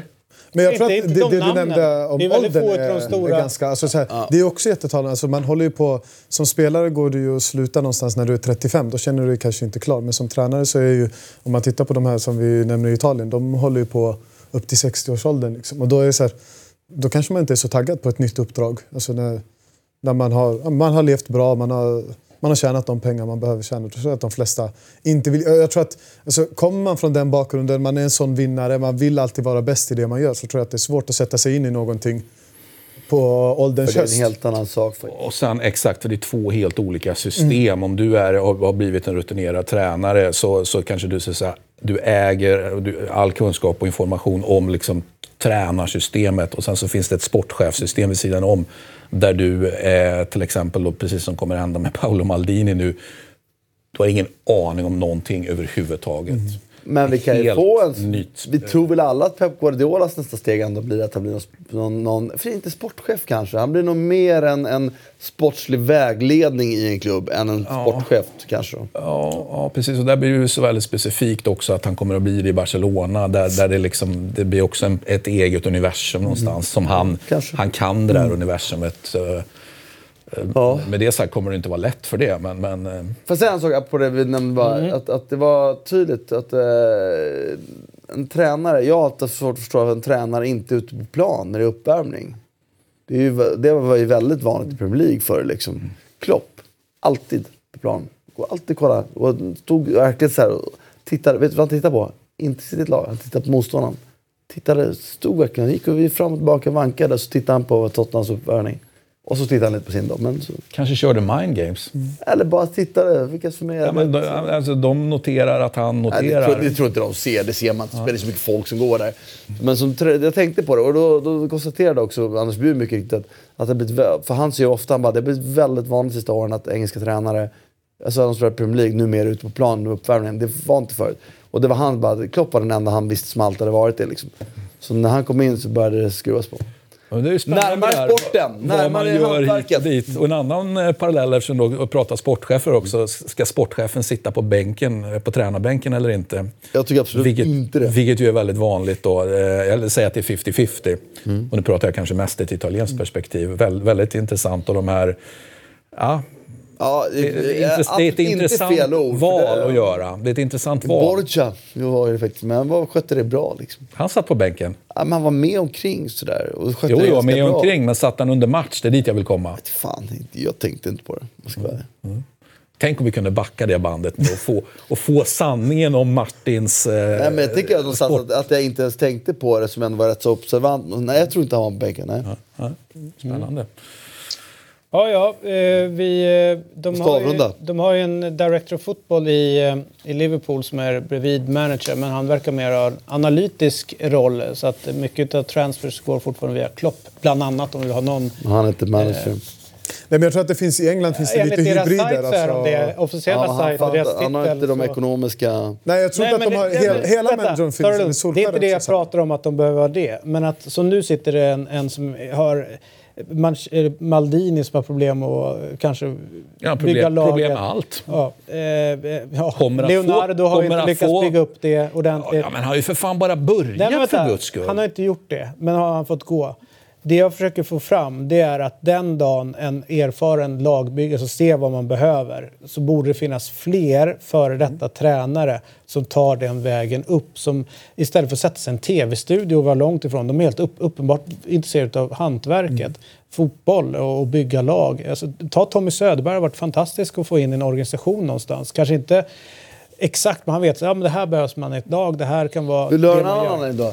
Vet du vad, som tränare, bara Tommy som en egenskap, många andra tränare man pratar om som sitter i tv-studios idag, eh, så är ju de eh, ändå ledare som leder människor. Ja. Här, när du tar ett steg upp där som en sportchef, då är den strategiska kunskapen det absolut viktigaste. Dessutom pratar vi sportchef idag, så måste du ha en... Fan, kunna, det är en jävla fördel om du kan hålla koll på balans och resultaträkning. Dessutom, det är fan ta inte många i fotboll som har koll på tycker jag. Så det, jag tycker ytterligare en grej därifrån, för de du nämner, som jag, alla de jag har haft som tränare som är, är nu sitter i tv-studios med har varit fantastiska ledare. Och är du sportchef är du inte ledare längre utan då är du faktiskt en strateg. Faktiskt. Och det är också en skillnad. Eh, så det tror jag, det kommer säkert, säkerligen ske David. Men, men jag tror att det, är längre, det finns en logisk anledning tycker jag att det inte blir så. Spanien, snabbt. Vi har varit där lite grann ändå.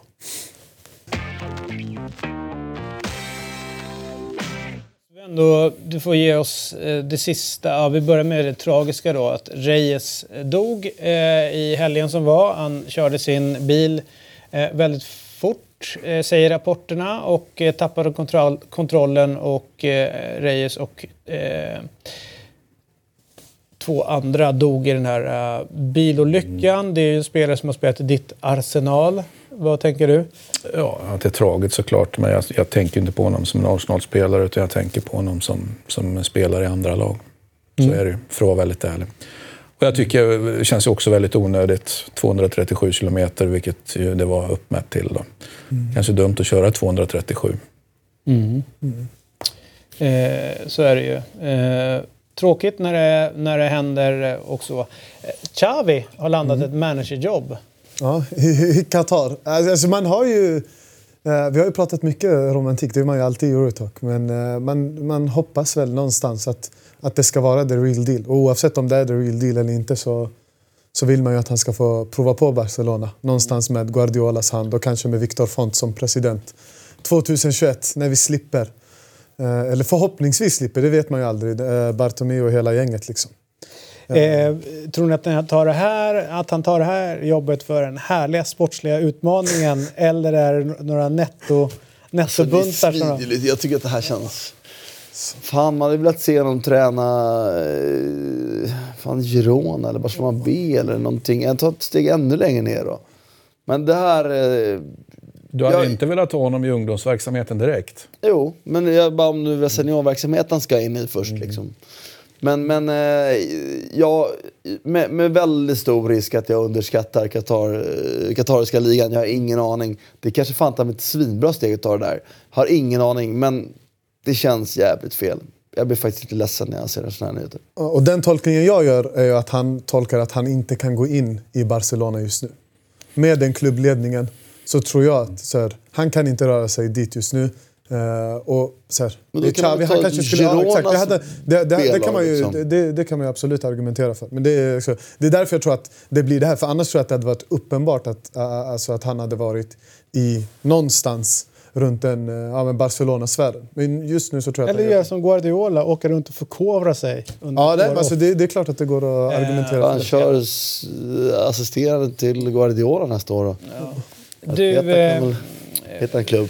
Du satt ju här och gick igång på Valverde. Mm. Eh, nu har det varit diskussioner här om hans framtid. Och, och, vad, vad landar ni i? Alltså han kommer ju, som det ser ut just nu så kommer han ju, och det är helt sjukt, men han kommer ju stanna. Eh, det är ju alltså det är helt galet. Men det är faktiskt som det ser ut just nu. Och det är, alltså egentligen så är det ju... Här, det är konstigt att man säger det om ett lag på den absoluta toppen. Men det är ju Lionel Messi som bär Barcelona. Det, och sen kan man ju argumentera för att han inte orkade riktigt hela vägen. Det, det gick, men så, alltså, jag såg någon eh, sån här uh, Stattmalf som kom från Sk äh, Skaka eller vad de heter. Som, mm. eh, så, så här, mest assist, mest dribblingar, mest mål. Mest, så han vinner ju allt. Han, det, det, det är som att ja, han tävlar mot sig själv. Och det är liksom det som gör att Barcelona överlever. Alltså, det är inget ordentligt spel, det finns brister i spelet. Men eh, kan man ge Messi bollen, ja, men då överlever man de flesta matcherna. Uppenbarligen så kan man ju vinna La Liga med Lionel Messi. Som, alltså, så, så det är ju det är två delar som är väldigt synd. Dels så missar vi, tycker jag, kanske de bästa åren Messi har haft. Eh, även om man kan argumentera för att så hans karriär har varit lång och fantastisk. Så är så här, nu har han blivit mognare i spelet också. Förstår spelet bättre, kan fördela bollen bättre. Och så missar man det för att vi inte har tränaren som ska göra det. Och sen så dödar man, fullkomligt dödar det som Barcelona har byggt upp de senaste åren. Det går ju att argumentera för att Barcelona inte alltid var det här tiki-taka-laget. Men nu, de senaste tio åren, så har man i alla fall blivit van vid att så här, Cruyff kom in, fick lägga sin hand över Barcelona, man hade Guardiola och sen har det bara... Så här, det går ut för och det är det är sorgligt, det är jobbigt, det är, det är svårt som Barcelona-supporter att tycka om det.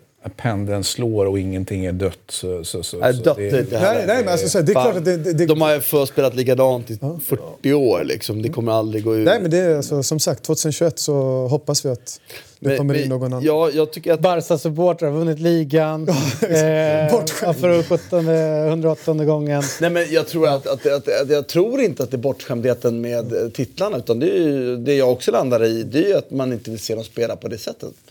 Ja, alltså Barcelona var ju svina. Du nämnde det själv.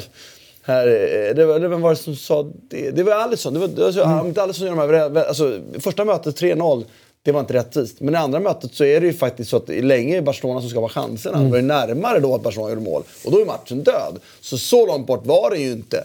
Men det är det vi hävdar. Utan jag tycker ju bara att sättet att spela på är beklagligt. Tyvärr jag följer inte så nära. Men det går inte att utesluta att det är just det som räddar Valverde också. Att mm. han gör att Messi, genom att spela lite längre ner, så när Messi får bollen så får han ytor att göra någonting i. Istället för att den var som extrema. För, eh, Guardiola uppfann inte tiki-takan, det är en grov jävla missförstånd. Men däremot så skruvade han tiki-takan till det extrema. Och det, när, när det var som värst då, för det tycker jag också var värst, det var att Messi fick bollen så stod ju typ tio spelare i motståndaren på, på straffområdeslinjen ja, men gör någonting då mot att du får bollen i mittplan och det är tre backar du ska möta och det är ytor överallt. Ja, det är klart att Messi ser bättre ut och det är kanske är det som räddar Valverde. Jag vet inte. Tror ni Dembele ångrar den där missen när de var 2 mot 0 eh, i första mötet? Fast det är ju, har man sett Dembele 4-0 där så är Men man ser ju också, ser ni Messis reaktion där? Han lägger ju sig ner och nästan som att han så här, nästan vet vad som ska hända. Sen borde man ju klarat det ändå. Så har man med sig 3-0, då, då ska man inte kunna ni, tappa det. Vilket jävla material de ändå har. Ja, alltså det, det är ju det som, det, är det som är jobbigast. Att så här, det, är, alltså, det är ju en av Europas bästa trupper. Var det Bernt Schuster när vi behöver honom? Ja, eller Ronald Koeman eller någon annan som här. Eh, Schuster behöver vi ju alltid då, för att vara väldigt tydlig. Men, eh, det är bara att ringa hans fru, för det är hon som bestämmer om allt. Exakt, precis. Efter att hon har gått igenom omklädningsrummet när alla byter om, eller hur var det nu? Mm. Eh, ja, nej, men fan, eh, det, jag tycker ändå... ändå när han sätter sig i bilen och drar iväg eh, Bernt Schuster. Lite inkognito så här som man brukar... Han vill försöka komma iväg. Har du, har du erfarenhet av det också? Vad? Att han sätter sig, hur han, hur han lämnar en träningsarena. Det har jag med faktiskt. Väldigt mäktigt, måste jag säga. Mm. Var väldigt obrydd, ja. kan man väl konstatera. Det är inte kul att vara supporter då. Man tänker så här, vänta, aha, han är noll procent intresserad av, av att jobba med, med relationer med supportrarna. Alla andra jobbar ju lite grann. Ja. Eller no, mycket. No, eller någon han kan bara titta på... nollar den direkt. Till och med Messi kastar ju en blick, även fast han är pressad. Men Schuster är så obrydd så det finns inte. Han bara drar. Ja, han är, han är mäktig där faktiskt. Ja. Nej, men materialet finns i Barcelona. Och med de Jong in, alltså så här, det är konstigt att Arthur fick spela så lite som han gjorde i slutet av säsongen. Han var ju skadad. Vi vet ju inte hur, hur mycket känningar han hade. Liksom. Det är klart det hade varit fint om han hade spelat mer, absolut. Men jag tycker skadesituationen gör ju att vi kan, vi kan inte Nej men det, det, det, är inte hela sanningen. Han, han, han blev bortplockad också. Ja, i semifinalen. Alltså. Så här, så... Och det var ju dåliga byten. menar, eh... Han tar ut Badal Ja, exakt. Som var bästa spelaren. Det, det, det är bara det är tröttsamt, tråkigt att konstatera och eh, det, det stora i alternativkostnaderna för Messi är ju det som är den stora smärtan egentligen. Jag är så liksom, jag är äldre än vad du är. Jag har följt Barcelona så många år. Jag har Barcelona under jävligt många år. De har aldrig vann någon. De vann liga, mm. men vann aldrig något annat. Liksom. Mm. De blev krossade i finalen av Milan för att de spelade så naivt. Och då var jag ung. Det var med Cruyff väl med, som tränare? Ja. Eller? Mm. Guardiola blev uppkäkad mm. pressspelet av Desailly. Liksom det säger åt upp honom. Det hade ju aldrig skett med Xavi. Guardiola, på ett sätt var ju Guardiola lite som... Han var det vi jämförde med? Alltså du jämför med Lampard. Guardiola var ju aldrig... Alltså Guardiola har eftermäle som är större än Lampard på många sätt och vis. Men det, han, han nådde ju aldrig höjderna, Guardiola. Xavi, var, ett Xavi var ju bättre. Allt. Var ju 2.0. Ja, Xavi, alltså, men Lampard var bättre än Guardiola. Men det fina med Guardiola är ju ändå det han tog till sig, att han förstod vad det var som var ja. problemet. Eh, Arrigo Sakis presspel, det var det första han bockade av där. Liksom. Mm. För det var ja, Capello just den matchen så hade de ändå liksom arvet där. Mm. Men eh, nej, det, det är... Eh, så här, Barcelona behöver inte vinna, jag vill att de spelar på ett visst sätt. Och, så här, det hade varit väldigt roligt om Barcelona och Ajax mötte finalen och Ajax hade vunnit Barcelona. Så det hade på något sätt varit så här Fin symbolik. Originalets storkopian. Ja. ja, det är ju eh, egentligen exakt. Men, du, men, men, men eh, med, med, med, det sagt så, så tycker jag att fokus i Spanien ändå är inte Barcelona. Real, Real, det är Real. Real. Och alla de eh, sommarvärvningar som eventuellt är på gång. Eh, låt oss... Eh... Madrid är en grym stad. Fan, jag har varit där så ja, fotboll många gånger. Fan, alltså, Barcelona, jag älskar Barcelona som den var. Jag tycker om Barcelona som den är nu. Men Madrid har något annat. Liksom.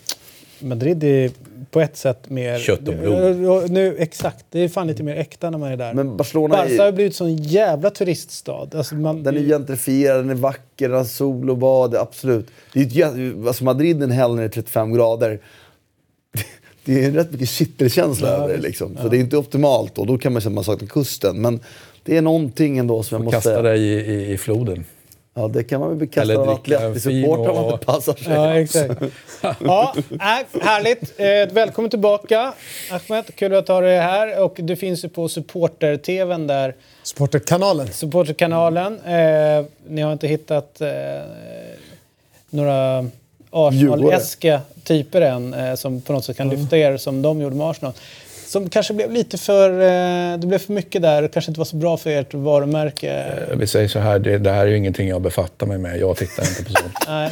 Och det, sorry alltså, men, alltså Nej, men jag- jag, är ju inte mål, jag är inte målgrupp här på något sätt. Nej, utan, Åh, utan. Eh, så att, ehm, Martin, grymt. Bra också jobbat, eh, det lilla jag hörde från eh, finalen. Eh, Det är skönt att du är ärlig glädjer jag. mig extra mycket faktiskt när jag eh, noterade att du satt och kommenterade. Du är värd de stora matcherna för din Mm. Det kompetens att det. måste ut till massorna. Nej, det var kul att få göra det. få som sitter inne med så mycket kunskap. Och jag har stor respekt för att Sverige kollar på andra. Och något som inte är lika kul för Martin är ju att hans älskade Salernitana nu, som det verkar, åker på en, en play-out nästa vecka Oj, nu. För det, det, Ja. är du med? Den feta damen, hon Ja, sjunger om och om, om igen. Eller har jobbar hon sjungit. var, play-out. det, var, det var ingen bra vecka när Hellas dessutom gick upp då. Ja, nej. Usch, Ja, Serie B, så vilket... Härligt. grejer. Eh, tack för idag. Tack. Tack. Och tack för att ni tittade. Eh, hej!